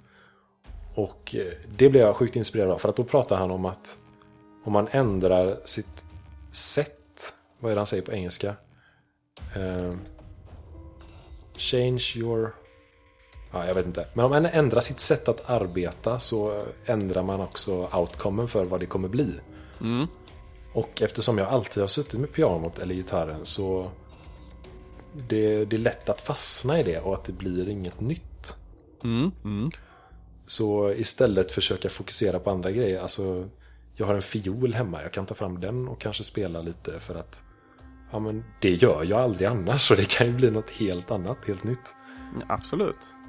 Eh, så just till Flynn då använde jag mig utav mycket en stråkkvartettskänsla när jag, eh, när jag skrev det. För det är väldigt minimalistiskt och jag tänker lite, eftersom det skulle vara lite den här retrokänslan också. Jag menar förr, eh, den typen av spelmusik, då hade man ju bara var det fyra toner tror jag som kunde spelas samtidigt. Mm, mm. Så man var ju väldigt begränsad på det sättet. Och eh, en stråkkvartett är ju samma sak. Man har bara fyra stycken toner som kan spelas samtidigt. Ja. Och eh, om man utgår ifrån den begränsningen så kan man göra någonting så mycket mer när man sen har möjlighet att lägga på så mycket mer efteråt. Mm. Som en hel symfoniorkester eller vad det kan vara. Så man får liksom en starkare grund. Ja, ja. Eh, om man jobbar på det sättet då. Det är bara ett sätt att jobba på. Eh, så jag har försökt tänka lite så att hitta nya sätt att börja jobba. Istället för att bara sätta sig vid sitt musikprogram och sin lilla keyboard. Liksom. För att då blir det, det är lätt att det blir samma som det alltid har blivit. ja. Det blir bara syntmusik. Mm, ja men precis. Ja, ja, ja. Mm. Ja men det, lå det låter härligt. Mm. Liksom att verkligen också få attackera musiken på lite på, på, en annan front som du säger liksom att om man bara använder synt och attackerar framifrån hela tiden, ja men då blir det liksom hårt mot hårt. Men mm. om du tar fiolen och går in från sidan, ja men helt plötsligt börjar man komma på andra taktiker där man kan ta liksom fienderna från, från en svag front liksom. Ja, nej, och, och, då komma fram och alternera och få nya taktiker. Hur, hur många olika typer av instrument har du hemma att bearbeta med själv? Eh, fysiska instrument då? Mm. Eh, ja, jag har väl eh, ett antal gitarrer, en bas, fiol, keyboard, massa små flöjter och jag har lite vad är det med, dragspel och sådana här mun, mungigor. Oh. munharpor och sånt. Man vet aldrig när det ska jag... komma ett uh, svenskt folkmusikspel alltså. Nej, men det, det använder jag en del till uh, Frost Rune då. Ja, ja, ja. Ja, men det, och, det låter ju passande då. Och jag gillar den typen av instrument som är lite så traditionella folkmusiksinstrument. Jag har inte mm. köpt på mig så mycket sådana, men jag, jag gillar att jobba med dem. Det kanske kommer. Snart ja, står du med en lerjak och blåser i baken. Ja, ja precis. Nej, men det, det är en annan sak att jobba med riktiga instrument eller riktiga musiker. För att det blir en annan, ett annat liv i musiken. Jag kan tänka mig att just uh, att få arbeta med de fysiska instrumenten ger mycket mer glädje i musikskapandet än att bara få arbeta liksom digitalt med dem. Ja, precis. Jag menar, gör man bara digital musik så då hör man ju att det här är digital musik. Mm. Eh, men genom att ge någon form av live-influens i musiken så känns allting annat mycket mer levande också. Ja. Sen, eh, sen är det ju inte som att jag är jättebra på fiol och sådana grejer heller. Men bara en liten effekt kan ju betyda massor. Ja. Och en sak som jag gillar att referera till ändå, jag har inte gjort det så mycket i podcasten, men när det gäller att spela instrument, så att, att få arbeta med musik och det, ibland måste man liksom inte kunna spela instrumenten. Eh, det finns en kille som heter eh, Blue Stali. Mm. Han kan inte spela gitarr, men han har ändå gjort musik med gitarrer i. Ja. Och det är egentligen att han sitter och drar i en not och spelar en ton åt gången. Sen tar han in den i sitt program och sen liksom gör alla ackord och allting själv. Ja. Och det är helt freaking insane tycker jag. Ja men det är också en sån process som verkligen mm. ändrar eh, vad resultatet kommer bli. För att det är ju inte så många som jobbar på det sättet förmodligen. Nej, verkligen inte. Och jag tror liksom det får fram en väldigt unik stil. Han mm. spelar ju väldigt mycket den här typ psychic eh, electro music liksom. Med lite blandad rock-influens. Mm. Så jag kan tänka mig liksom att om man jämför ett vanligt rockband eller någonting så det blir ganska annorlunda. Ja. Blir det. Ja, nej men så det det är någonting för andra kompositörer att ta till sig. Man kan mm. kolla på den eh, intervjun med, eller det är ett, eh, ett litet tak som han har då, Mick Gordon, om det här med att ändra sin process. Det finns på YouTube. Helt fantastiskt. Ja, och jag tar och länkar den nu när vi ändå nämner ja, den. Jag tycker så, det. Så, det för... kommer den finnas med sen också. Förtjänar. Bland länkarna. Och just som sagt, nu har vi pratat väldigt mycket om Scourgen ändå, liksom mm. det är en väldigt mörk plats och det är, precis som jag nämnde det här med mycket ögon. Uh, man, det är ju väldigt mycket att man inte ska bli sedd när man väl är i Scourge-partiet ändå. Ja, det är lite stealth-sektioner där man kan... Ja, och jag tycker det bryter av ändå ska man säga, spelstilen som annars är väldigt lite mer adrenalinpumpad i form av att byta vapen och allting. Och helt plötsligt hamnar vi i ett parti där det nästan lite, känns lite så survival of the fittest på något mm. sätt. Men ja, som nej, du säger, att du, du har stealth-partierna. Ja. ja, det kommer nog bli en hel del pussel och den typen av gameplay också. Mm. Eh, det är ju nästan inget pusselmoment riktigt med i demot, det kan jag nej, ju säga. Det, det går ju inte riktigt att misslyckas med demot. nej, nej. Men då är ju tanken mest att man ska få uppleva alla vapen och se lite olika miljöer och sådär och hur, hur det funkar att spela helt enkelt. Ja, Så. det är som sagt jättevackert och eh, det rekommenderas att spela med eh, handkontrollen till. Ja. Gör det. Mm. Ska vi fortsätta vidare till lite mer eh, kolossal musik? Tokigt. ja, det är ju en del av demot också när man, man hamnar i en arena med en, ett publikhav av vad det nu är för någonting. Insektsliknande. Eh, insektsliknande stam. Mm. Som hejar på. Vem de hejar på, det får man väl se. Yes. Men eh, då slåss man i den här arenan till eh, den här musiken. Yes. Och det är då Colosseum.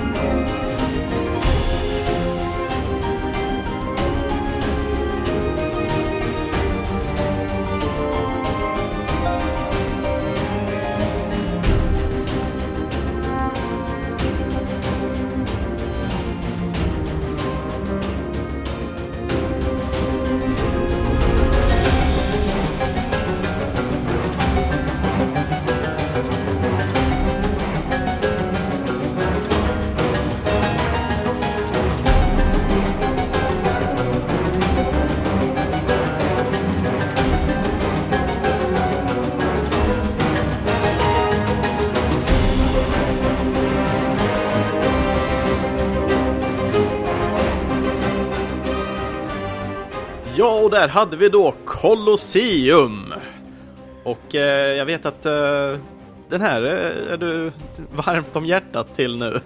Ja, nej men det var väl det senaste spåret jag jobbade med. Jag gjorde det faktiskt under tiden som kickstarten var igång. Mm. Eftersom demon skulle släppas där i den sista veckan ungefär. Så jag, jag, ville få in så mycket musik som möjligt. Och eh, den här Colosseum-arenan den är ju en del av Rustwood. Eh, mm. Men eh, har ett helt annat tempo, eller vad man ska säga, när det, när det gäller själva gameplayen. När vi väl kommer till just den här låten också så tycker jag den är, den är ju väldigt annorlunda men ändå passande till soundtracket. Ja, nej men vad kul. Eh, min första tanke när det var att det skulle, det skulle vara en arena, ett kolosseum liksom, det var ju romarriket såklart. Mm. Och det var väl lite det jag försökte få fram där i introt av låten med mycket horn och trumpeter och den liksom eh, romarkänslan.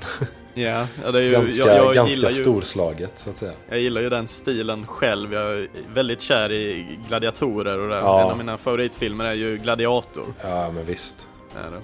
Och eh, min notering på den här låten då, då Den här låten spelas ju då inom Colosseumet samt partier efteråt. Mm. Eh, Låten innehåller då fanfarer med pompa och ståt. Ett riktigt passande soundtrack till strid som sker i detta partiet som musiken är med i.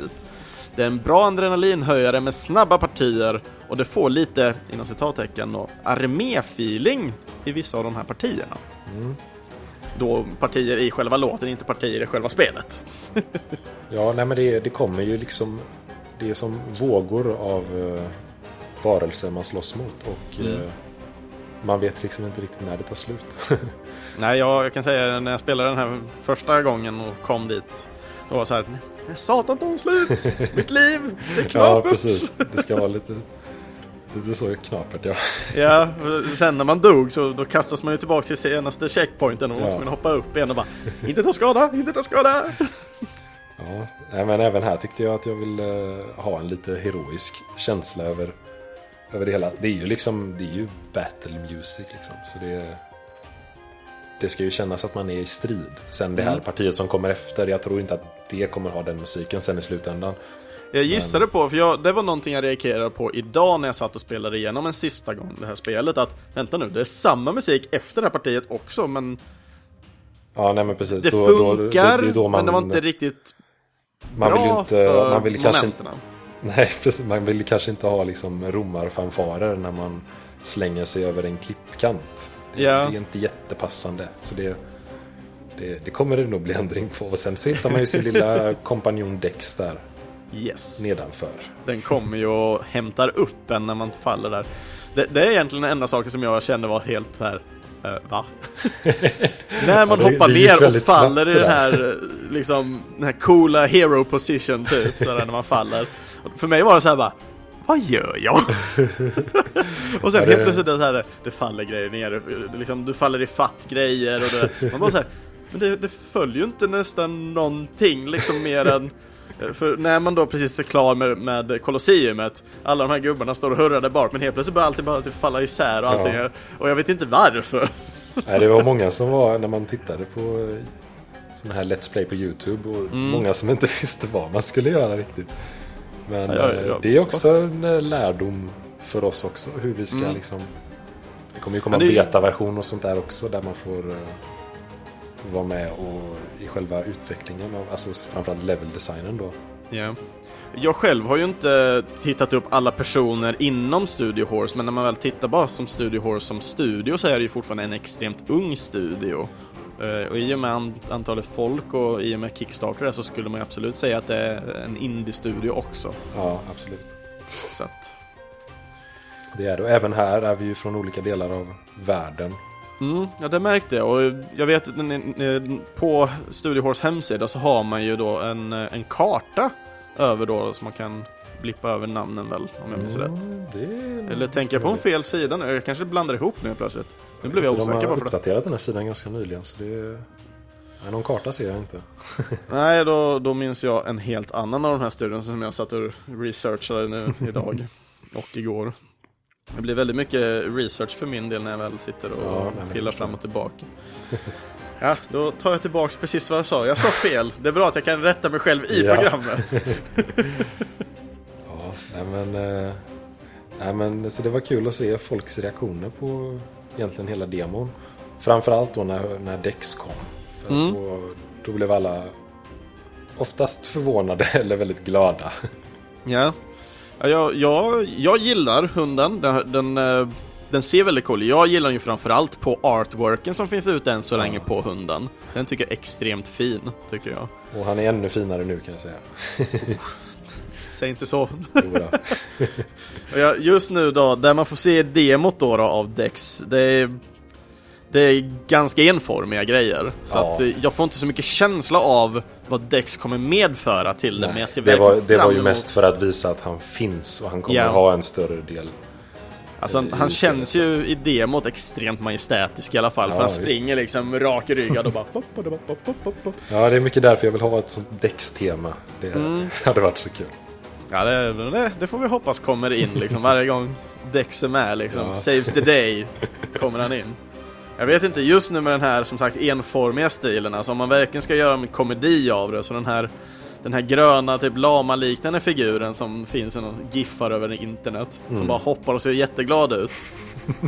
Vill man komma, göra lite comedy relief av Dex ser jag den framför mig just nu. Ja, visst. Med De Dex eh, skin och...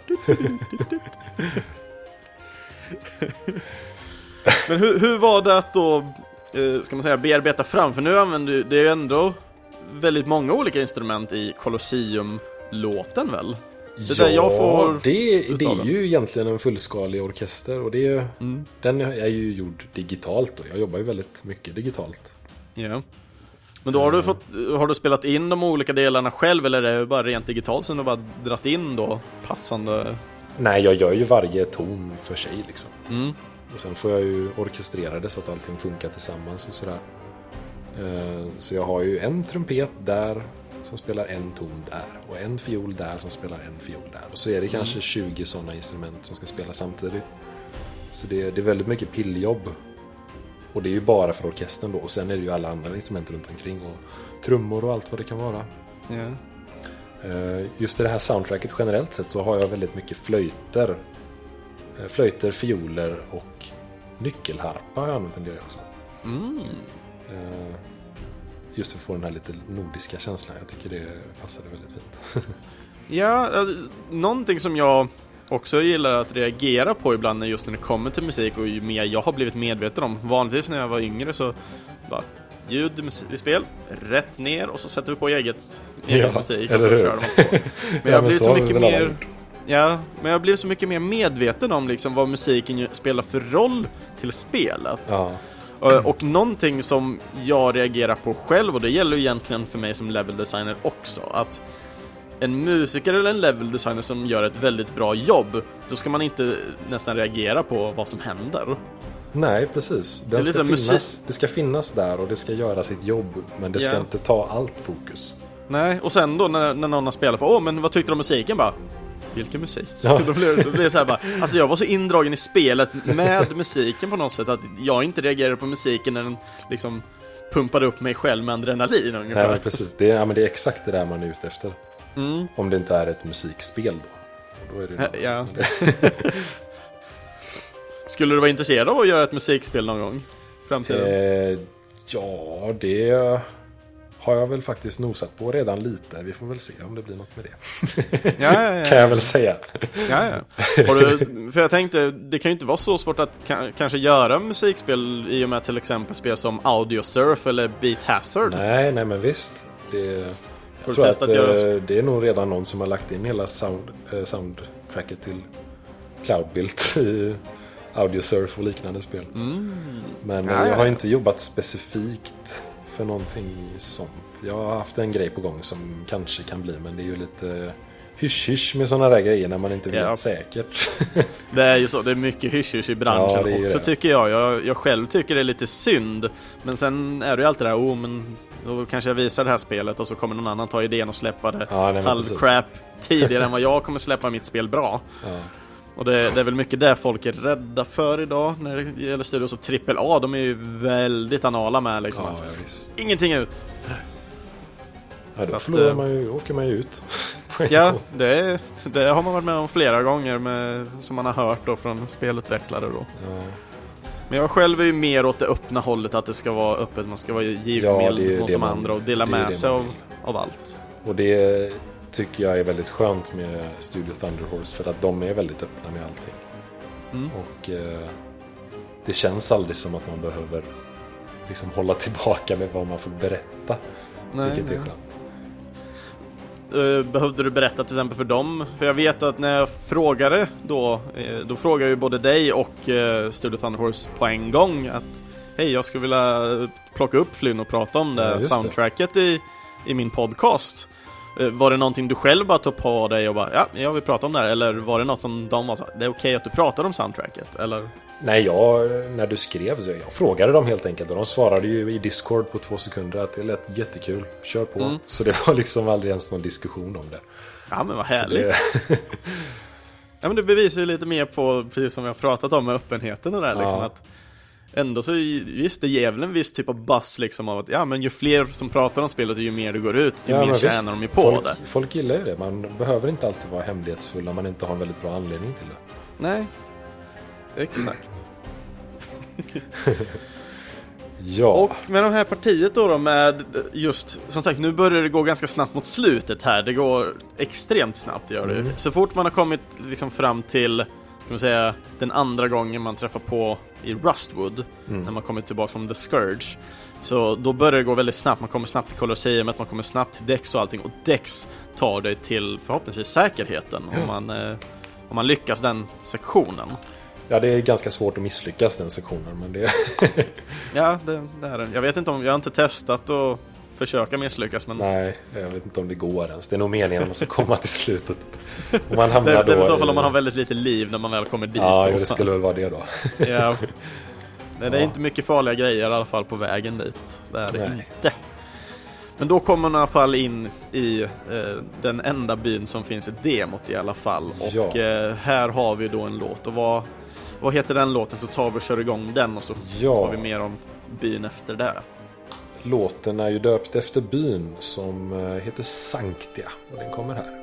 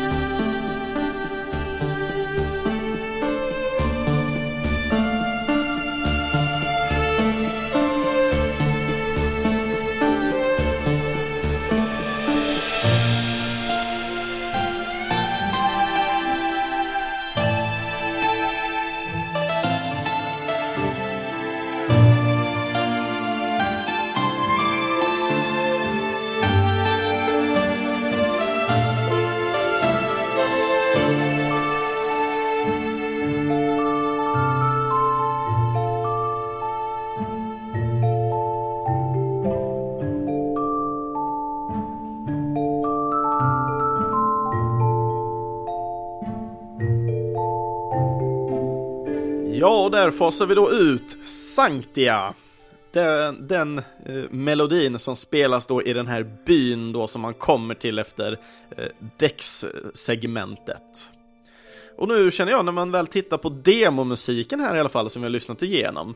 Nu känner jag mig genast tillbaka till den japanska feelingen och speciellt då med det här första lilla ljudet som kommer. Det här klassiska vattenrinnarrör-ljudet som slår. Och den kommer Ja. precis i början som folk kanske hörde direkt då. då. Och det, det känns lite den här, det är en dyster liten känsla när man kommer tillbaka. Det är precis som, nu citerar jag då igen. Hjältarna har kommit tillbaka efter en strid för att återhämta sig feeling. Ja, man ska känna sig säker helt enkelt. Och det, det tycker jag att man är i Sanktia. Det en lugn liten by som kommer fyllas på med NPCs och dylikt sen. Mm. Och eh, ja, jag tycker det här det lilla soundet du pratar om, jag tycker det sätter en väldigt fin atmosfär. om Trygghet. Ja men jag, jag får verkligen just den här, jag, jag fick känslor till Naruto. När, eh, liksom när man haft en stor strid och alla hjältar kommer tillbaka till det vanliga livet. Och liksom, man har den här klassiska när de bara går runt och så kanske man hör Sakuras theme eller någonting. Den går ganska lugn och stämningsfull liksom. Ja.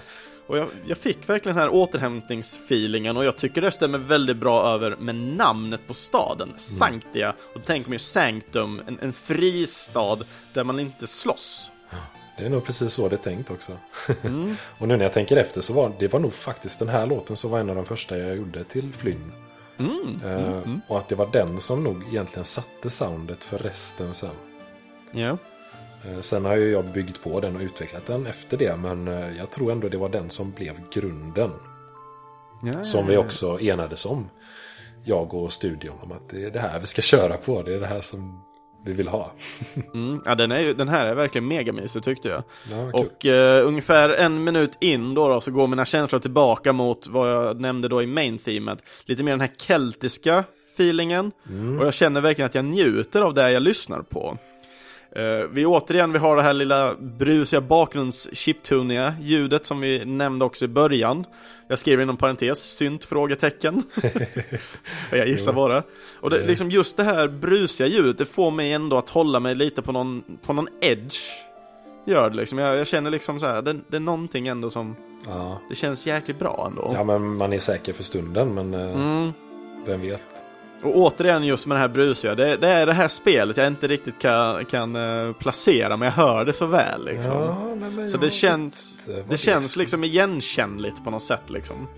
För att jag har också ett spel i tankarna som jag kanske vet vad du syftar på, men jag kommer inte heller ihåg vad det heter. Det. Vi sitter här båda och har spel i Ja. huvudet. ja, jag får se. Det kanske dyker upp.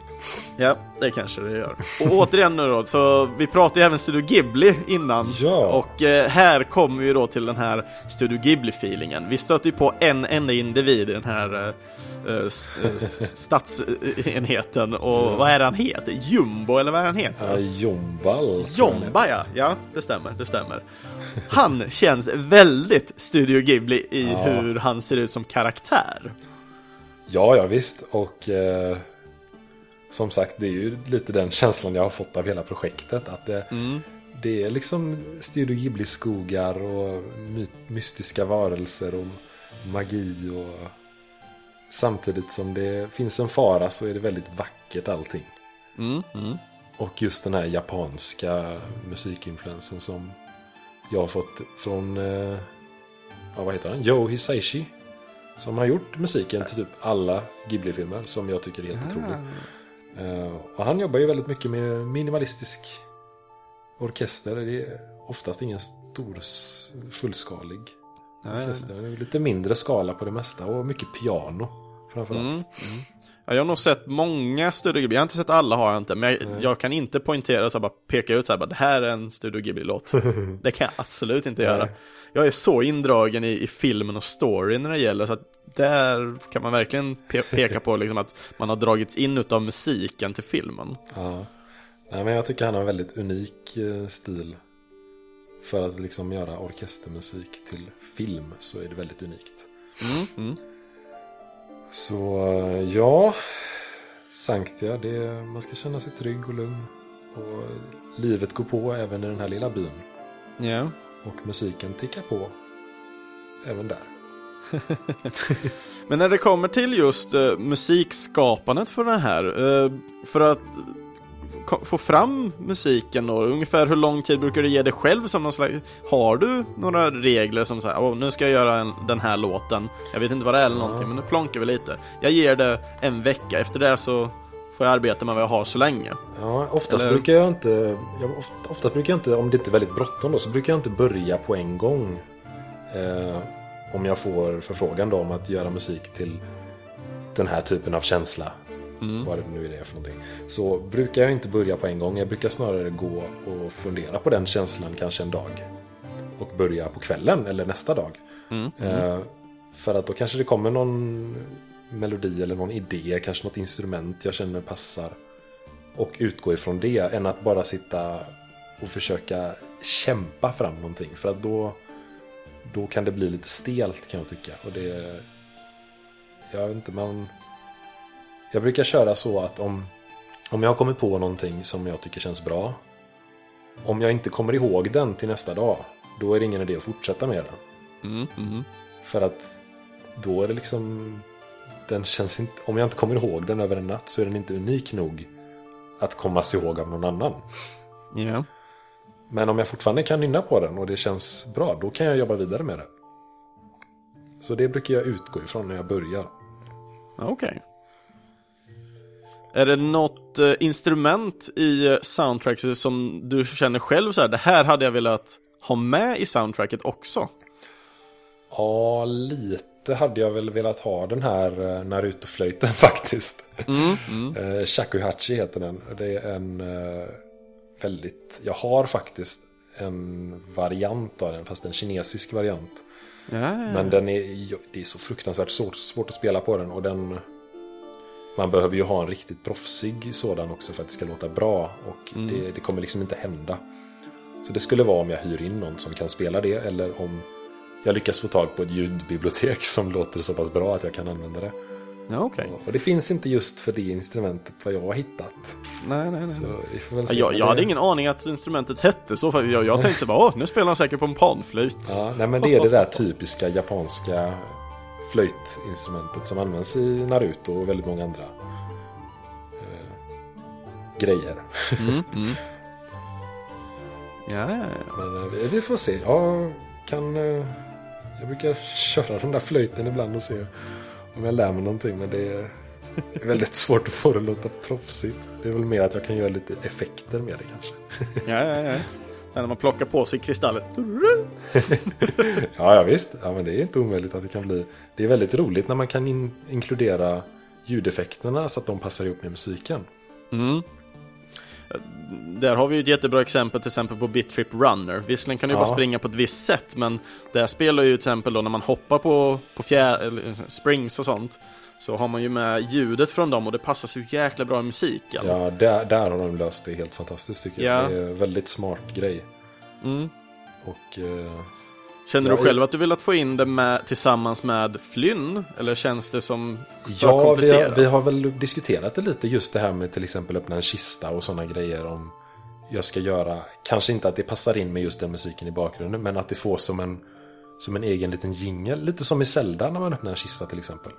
Den här klassiska... Du, du, Ja. du, du. Sådana grejer om det är någonting riktigt stort man hittar kanske. Mm. Eh, Vi har ju nämnt Zelda här ett par gånger. Hur Mm. mycket har Zelda-musiken refererat, eller liksom varit som en referens för dig till Flynn-soundtracket? Har det ens det eller? ja, jag har ju faktiskt inte varken lyssnat eller spelat det sedan, sedan, ja, när kom det spelet? Ja, vilken av dem? Är det första Ja, du vil- syftar på? Nej, jag spelade aldrig eh, Skyward Sword. Jag spelade det Twilight Princess. Twilight det? Princess. Det kom Ja. ju när Wheat releasades. Och Precis. det var 2008 kanske? Så jag har ju inte 2007, spelat, 2008. eh, jag har inte spelat Zelda sedan dess. Jag önskar ju att jag kan få spela det nya snart, men det får vi se. Mm. Eh, men musiken har ju jag, den kommer jag ju aldrig glömma. Och känslan när man gick i, i Kakariko Village eller vad det nu kunde vara. Mm. Och eh, just att jag har kvar känslan gör att jag kan skapa en ny liknande känsla hoppas jag. Ja. För att, eh, ja men just det här som när man kommer till Sanktia, att det ska kännas tryggt. Vilket de gör ofta i musiken i Zelda när man är på ställen där det, ställen där det ska vara tryggt. Mm. Då, då reflekteras det i musiken också. Och likadant när det ska vara lite oroväckande. Yes. Och det kan jag ju bara önska dig all lycka till med också. Just Ja, när, när det kommer till de här. För jag, jag själv jag blir ju grymt imponerad över hur, hur du ändå kan få in så, så pass bra och stämningsfulla partier med musiken kopplat till spelet samtidigt. Ja, men det tackar jag så mycket för. Det är kul att höra. Ja. Och mer då för att koppla till då, för nu går jag tillbaka lite till kickstarten för Flynn. De har ju även då den här, ska man säga, fina stil, äh, artworken då, då på. Och man märker att de har extremt mycket, ska man säga, referenser till Zelda. Man tittar igenom de här olika vattenfigurerna och de, de känns väldigt liknande mot eh, eh, Soras. Ja, just det. Det. Och sen, sen har man någon eh, lite mer eh, välklädd, eh, mörkhyad individ. De känns lite mer, ska man säga, åh vad heter de? Eh, Gorundo Valley. Eh, Ja, du tänker på, ja, ja, de ja, vad heter vithåriga han?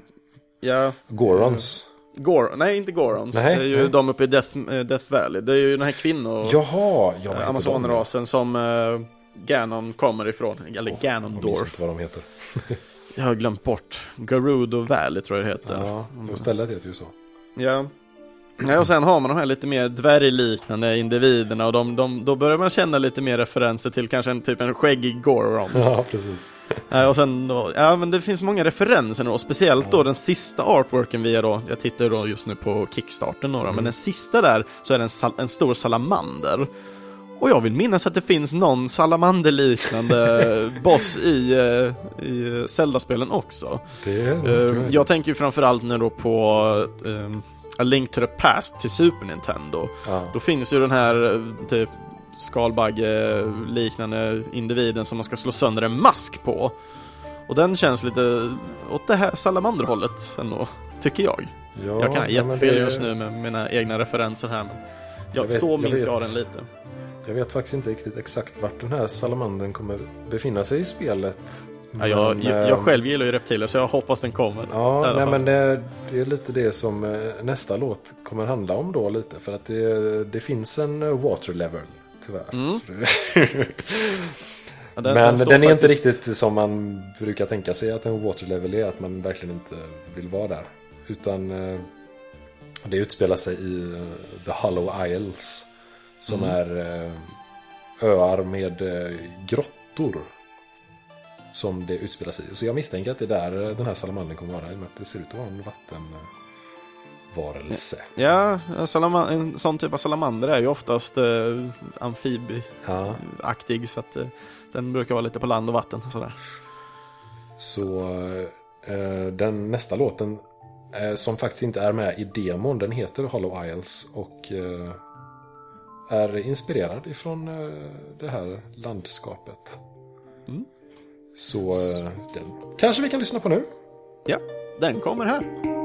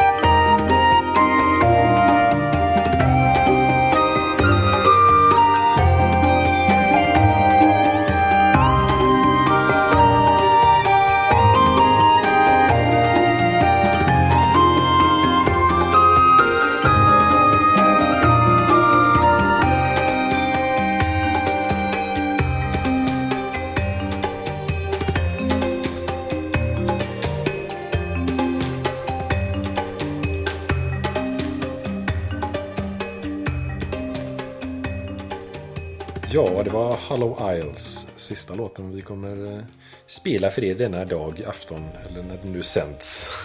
Ja, det beror på när folk lyssnar. Ja, Förhoppningsvis på måndag redan direkt. Det är sant. jo, men som sagt, there is a water level. Eh, jag blev... eh, det var lite tanken att man skulle få en känsla av att man var lite i Karibien nästan. Mhm. Eh, och... Eh, ja, vad, vad har man i Karibien tänkte jag då? Då har man ju eh, kokosnötter och men instrumentmässigt. Liksom. Så då, Kastanjetter. ja, nej, men mitt första, det första instrument jag kommer tänka på var ju en sån här steel drum. Mm. En sån här, vad heter de på svenska? Eller water drum kanske heter. Eh, ett vattenskinn tänker jag bara direkt på. Ja, nej, men en, en sån, en stor, en liten ståltrumma. Verkligen, Ja. som man sitter och spelar på på olika sätt. Och det tycker jag är i Karibien. Så det, jag, utgår, jag utgick egentligen från ett instrument. Ett instrument när jag gjorde hela låten. Okej, okej. Det är intressant. Det är väldigt intressant. Och hur, hur var det att utgå då från just ett instrument när du sätter igång det här? då? Ja, det var lite lurigt för att det, det är ganska begränsat instrument. Eller vad man ska säga. För att de toner man kan spela på en sån trumma är inte som på ett piano till exempel. Utan det är bara inom en särskild... Eh, eh, vad heter det? Ah, nu har jag tappat ordet. Men i alla fall. Det, Ja. alla, alla toner spelas inte. Så att jag kan inte göra riktigt vad jag vill Nej, nej, nej. med, med mina ackord. Och jag fick antar att det kan vara lite problematiskt också om man inte är så van vid instrumentet heller. Ja, jag, jag spelade ju inte på själva trumman själv. Nej, nej, nej. Den är, den är digital, men det, var, det var ett fint ljud på den. Så eh, jag tyckte, jag embraceade snarare den här begränsningen av att inte kunna spela alla toner. Ja. Och eh, byggde runt det jag kunde spela. Mm, mm. Och då blev det den här låten. Samtidigt som jag hade kvar influenser från alla andra låtar. Yes. Och, Och jag har ju som sagt återigen text till allting här. Och eh, som sagt, när du säger ka- karibiskt eh, eh, tänk så säger jag nej. Tyvärr, den här gången. Min, min feeling för den här låten, den är drömsk. Återigen japanskt tema i mitt sinne. Ja, ja, men det är bra. Det Just att den, den liksom plonkar fram lite som... Eh, jag tänkte inte så mycket trumma när jag lyssnar på den, även om trummorna finns där. När jag tänker den här klassiska, typ harp, alltså de har ju en, någon nationell typ harpliknande instrument där i Japan. Ja... Eller om det är Kina, Nå, någonstans där är det i alla fall i asiatiska lyssna och se vilket du tänker. Asiatiska. jag, jag kan inte namnen tyvärr. Men det är väldigt eh, härligt och harmoniskt att lyssna på den. Man vaggar lite till musiken fram och tillbaka. Ja, Jag själv, jag tänker tillbaka lite när jag var liten och jag såg eh, VHS-filmen då Feet of, Fla- eller Feet of Flames eh, med Riverdansaren Michael Flatley. Jaha, Och ja. musiken är då gjord av Ronan Hardiman. Ja. Så där fick jag lite, och det, den är ju lite mer, ska man säga, irländsk inspirerad. Och Ja, men väldigt... det, eh, det irländska och keltiska ty- tycker jag väldigt mycket om också. Så det är mycket Ja. möjligt att jag influeras av det omedvetet också. Ja. Eh, så jag, jag får ju lite så här fairytale-vibbar liksom, Ja. sagoväs liksom. Ja, nej, Så- men det, det, det är faktiskt så, så som du säger att det är lite Ghibli-tankar jag haft också när jag gjort den. Mm. Jag tänker på de här, eh, om det är i Princess Mononoke tror jag. Ja, de Ja. här eh, Forest skogsandarna Spiritsen. som sitter Ja. i träden. Som De knackar. har, lite, ja, de har lite speciella ljud. Att de knackar och... Ja. De är ju helt jag, underbara. Jag försökte liksom göra någon slags instrument av det. Knacknings... Okej. Den knackningskänslan typ. Ja, ja, ja. För jag, när du sa Karibien så kände jag, vart? Lite sådär. Nej men Alltså, precis i den är början så är extrem- det ju... Precis i Ja, början den är är det ju en extremt stil. va? låg, tycker jag. Eh, för min del när jag tänker karibisk musik, mitt prime A subject är ju då Monkey Island-temalåten. Ja, ja, absolut. Men det är samma instrument som där. Ja, jag kan tänka, Det- just nu när jag lyssnar igenom lite mer så... Ja, Det är ja. egentligen, alltså det, det är ju en trumma, men det är ju en tonal trumma. Så det är liksom Mm. inte dunk, dunk, dunk, utan det är dun, dun, dun, dun, dun. Att det är liksom toner varje slag. ja, ja, ja. Så den är inte som en klassisk trumma direkt. De var bomb. Men det finns lite bilder på uh, The Hollow Isles på Kickstarter. Yes, det finns det. Även på andra områden som musik inte finns ute på än, som mm. Shivering Spire. Precis. Och så scrollar jag lite till. Och Mistral Peak. Yes. Som vi, har, vi nämnde redan en gång ja. innan, eller sa vi det off air mot tro? Jag vet inte. Det minns jag inte. ja. Men det finns lite andra områden i alla fall eh, kring den här världen då, och eh, det finns ju även en, en uh, artwork-bild då som visar lite av hela världen och där man ser uh, uh, olika vattendrag och, och de här is och spiresen och allting. Så det kommer vara jättekul att se hur man kommer färdas emellan de här Uh, I och med att det, det, är ju nämnt att vara ett Metroidvania-spel, men tittar Just man på en klassisk Metroidvania-spel så då pratar vi ju då om att man ofta springer upp, ner, höger, vänster liksom och kommer mm. runt på de här. Men att anpassa ett Metroidvania-tänk till en plats som är lite utplattad över en ö liksom, så mm. känns det väldigt spännande av hur, ni, hur man kommer agera Ja, det men det är de... precis som i beskrivningen här på Kickstarter att det är inspirerat av Metroidvania-spel. Mm. Men på ett icke-linjärt sätt. Yes. Och eh, det finns faktiskt även eh, i Kickstarter-uppdateringarna där så finns det för dig som är level designer så finns det en eh, uppdatering som handlar om just det. Mm, mm. Ja, jag gillar ju att läsa på i och med att ni är en ganska öppen studio så mm. tycker jag det är jättekul att läsa på de här. Speciellt då när man får se alla papper på så här level design-utvecklingen i sig. Ja, nej, men där visar de ju stage layout och sådana grejer. Liksom, hela, hela processen, hur de, hur de kommer tänka när de gör, bygger banorna sen. Levlarna. Yes. Ja, jag, jag fann det väldigt intressant sådär, när man väl såg och hur de då agerade. Ja. Och jag ger det lite från ett perspektiv då av de som kanske inte har kickstartat än och har informationen. Mm, ja, just det. Yeah.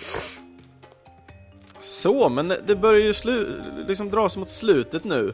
Demot ty tycker jag är det är riktigt kul och jag ser fram emot mer av vad det här spelet kommer kunna ge mig i slutändan. Ja, men vad härligt uh, att höra. Det är ju jag med. mm. Jag sitter dock själv, jag, jag, har, jag kommer få uh, beta access till spelet sen. Mm. Men precis som ett annat spel jag kickstartade som jag var väldigt liksom, så fram emot så vet jag inte om jag vill spela det här innan. Ah, ja det kan jag nästan förstå ja. Vilket det... ändå kanske förstör lite för mig själv. Ja. Men jag vet inte. Samtidigt så kommer jag säkerligen nöta sönder det här spelet, antagligen med största sannolikhet, när det väl kommer sen då. Mm.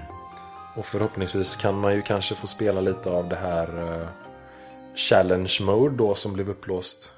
Mm. I, uh, och vad var det mer sagt om det? Det står, nu ska vi se, jag vet att de har skrivit mer information om det, men nu har inte jag den informationen framför mig, men jag läser den korta i alla fall. Uh, arena, survival and boss rush modes, all rolled into one package extra. Just det. Så det blev väl förmodligen någon form av uh, expanderad version av Colosseum, fast med ja, väldigt mycket mer grejer. Och säkert på an andra platser också förmodligen. Ja. Yeah. Och sen då, det, det, det, fanns ju två andra steg som var revealade på den här eh, stegen och det var ju mm. animated intro, eh, vilket de inte nådde upp till, och den sista som jag ändå fann väldigt intressant, eh, Rosia, eller Ro, Rosia Story DLC. Just det. Uh, och uh, hade de nått upp till den så hade det blivit deras första DLC-content för att komma tidigare än planerat. Mm. Och det här handlar ju då om en ny karaktär, eh, en spel, ny spelbar karaktär, som jag antar man kommer få träffa på eh, under spelets gång med tanke på en GIF som visas då med vad jag gissar på är den här karaktären. Just och jag är, ex jag är extremt pepp på den här karaktären också i och med att jag älskar eh, Rogue slash Assassin karaktärer. Yes. och hon har eh, två stycken daggers som ser eh, lagom poisonous ut. Ja, nej, men det, det kommer fortfarande finnas möjlighet att nå upp till de här delmålen. Eh, jag vet mm. att de pratar om att lägga upp eh, för eh, late backers att man kommer kunna fortsätta backa framöver på något mm. sätt. Men det kommer säkert mer information om det framöver. Då kan yes. man gå in på thunderhorse.co för att läsa mer om det förmodligen. Eller kika vidare på allas twittrar där. Mm. Och som sagt, alla som lyssnar och blir mer intresserade av det jag kommer även post, när de väl releasar så att man kan fortsätta, late backa, då kommer det komma upp även på Facebook-pagen för eh, den här podcasten. På Äntligen Spelmusik. Grymt. Yes. Så, ja. ska vi stänga kapitlet om Flynn kanske då och Ja. eh, prata lite mer om vad Jakob Linkes framtid är mer kanske? Vad, vad har han för sig framöver? Ja, eh, Flynn kommer ju pågå nu under en tid framöver. Eh, tanken är att det ska släppas i eh, ja, 2019 blir det. Mm. Eh, och under tiden jobbar jag på det och eh, ett annat spel. Eh, där det är en svensk utvecklare som heter Clifftop, Clifftop Games. Som eh, de gör point and click adventure-spel. Och det spelet jag jobbar på nu heter Whispers of a Machine. Whispers of Machine. Och Det låter där, intressant. ja, det är oerhört intressant. Eh, Där har jag fått i uppdrag att göra både musik och ljudeffekter och egentligen allting som har med sounddesignen att göra. Jaha. Eh, vilket är helt fantastiskt roligt. Där får man verkligen eh, ja, sätta sin fantasi på prov. Kan man säga. Eh, finns det några här speciella som har varit så här, ja men vi vill verkligen ha med det här och så, så bara, shit hur satan ska jag få med det här? Ja, ja lite så. Eh, det är ju ett spel som... Eh, eh, det är i en postapokalyptisk värld där eh, teknologin har kollapsat, helt enkelt. Och eh, det utspelar sig, det är lite nordisk spin på det hela. Miljömässigt då. Ja, ja. Och man, eh, man är en mordutredare vid namn Vera som undersök, undersöker mord här. Uppe i eh, Nordsund som det heter. Eh, Ja. Men man dras snart in i någonting större än bara de här morden då. Och eh, då är ju tanken att jag ska sätta ett postapokalyptiskt soundtrack med en nordisk spin på det hela. Okej, ja. Mm, mm. Och eh, det har jag börjat med och det känns jätteroligt. Det finns väl ett, eller jag vet inte om det är nordiskt, men jag tänker på det här, eh, åh vad hette det, Krater? Det var ju Krater? svenskt. Ja, det är ett svenskutvecklat spel och de pratar svenska i spelet också. Aha. Och det är lite så här Fallout-feeling fast man spelar typ fyra karaktärer samtidigt eller någonting. Man kan, Jag för man kan spela online, eller, ehm, liksom co-op tillsammans med andra. Kommer inte ihåg exakt. Jag köpte det, eller spelade aldrig, men jag kände till det väl Ja. i alla fall. Så det, jag vet inte, det kanske kan vara något att se vad de har där. Ja, nej men det ska jag kolla upp, absolut. Mm. Alla tips är underbara. Krater Speciellt- med K. Ja. nej, så, jag, vet, jag vet jag själv, eh, i och med att man gjorde spel under, eh, då när jag studerade då, då under, under utvecklingen, eller spelet, spelstudierna. Kära någon, nu börjar det bli sent här känner jag nästan. Eh, Så då, då hade jag min gamla barndomsvän till att eh, hjälpa mig med musik. Och eh, vi höll på med ett, eh, ett hillbilly-spel. Och det här var ett turn-based, lite X-coms-liknande spel. Och då var det så här, ja men vi behöver musik till det här. Vi vill ha banjos. Och det ska Ja, vara man XCOM-soundtrack. Han var så här bara, okej, jag har aldrig spelat en banjo. Vi får se hur det här går. Men han, han gjorde ett fruktansvärt bra jobb och med tanke på hur, hur Flynn-soundtracket låter nu så tror jag absolut du kommer lyckas med. Ja, vad kul att höra. det, Oftast är det ju första tanken man, man får som blir den bästa sen. Ja, men det är väl det, man går lite på så här hemmagjorda stereotyper i hjärnan liksom. Ja. Så, ja, men då, då tar man det därifrån. ja, nej, men eh, är man intresserad av Whispers of a Machine kan man gå in på whispersofamachine.com för att läsa mer. Och, eh, Mm, Härligt, härligt. Det får jag titta på efter vi har lagt på här. Ja, härligt. Ja, det är väl ungefär det jag gör just nu. Sen får vi väl se om det dyker upp andra projekt. Det Mm. kan du göra lite när som helst. Ja, och i och med som sagt Studio, eh, Studio Thunder Horse hittar ju dig eh, genom eh, din musik sen tidigare så Mm. då vet man aldrig vad, vem som kan hitta dig efter Flynn sen också ju. Nej, det känns som att ringarna på vattnet blir fler och fler för varje spel man släpper. Det är Mm. jätteroligt. Ja, det kan jag verkligen tänka mig. Ja. Så. Är det någonting mer där du vill lägga till? Eller ska vi Eh, börja avsluta mer? Jag känner mig eh, jättenöjd med det här samtalet. Tycker det var men jättetrevligt. Yes, men då ska jag ta det gamla vanliga då. då. Så andra avsnitt ifrån Äntligen Spelmusik, ja, de hittar ni på videospelsklubben.se eller eran närmsta podcastapp. Ni får gärna följa Äntligen Spelmusik på Facebook och dela gärna med er utav eh, avsnitten när de släpps på den lilla share-knappen där nere. Eh, så vi då kan få in fler liksinnande och skapa upp då en härlig community där, där vi liksom delar musik och njuter av det gemensamma ämnet spelmusik. Och vill ni kontakta mig så gör ni det lättast genom att kommentera på antingen avsnitten eller de olika inläggen som kommer på Facebook eller via videospelsklubben.ses kommentarsfält på avsnittet. Och eh, glöm inte att vill ni önska en låt till eh, avsnitt som kommer så gör ni det via önskeformuläret på videospelsklubben.se där ni går upp till podcasten och så drar ner till Äntligen Spelmusik så finns det då sen till höger. Och eh, all länkinformation där vi då kan hitta mer om eh, Jakob Linke och musiken som han har gjort kommer finnas länkat via videospelsklubbens inlägg. Och eh, nästa veckas avsnitt kommer handla om eh, chiptune-musik och då har jag även bjudit in chiptune-artisten Niklas Ström.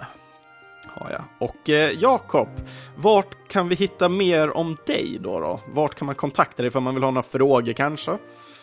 Ja, vill man kontakta mig så har jag en Facebook-sida, en eh, Twitter-sida där det är bara att söka på Jakob Linke. Så finns det nog inte så många sådana i Sverige eller världen. Eh, vill man lyssna på min musik så kan man gå in på Soundcloud, Soundcloud och lyssna. Eh, Även där är det Jakob Linke som gäller. Yes. Och det är Jakob med C istället för K och sen Linke med CK vid K-ljudet. Ja, och jag har inget artistnamn heller så det är det som finns. Yes, och som sagt, jag kommer väl länka allting. Eh, som sagt, är Soundcloud, Bandcamp, eh, Spotify i alla fall främst då, där, där man kan höra din musik då på. Så, så får du det av mig i alla fall. och det var jättekul att du eh, ville vara med och eh, prata om eh, ditt arbete och, och soundtracket till just Flynn, Son of Crimson.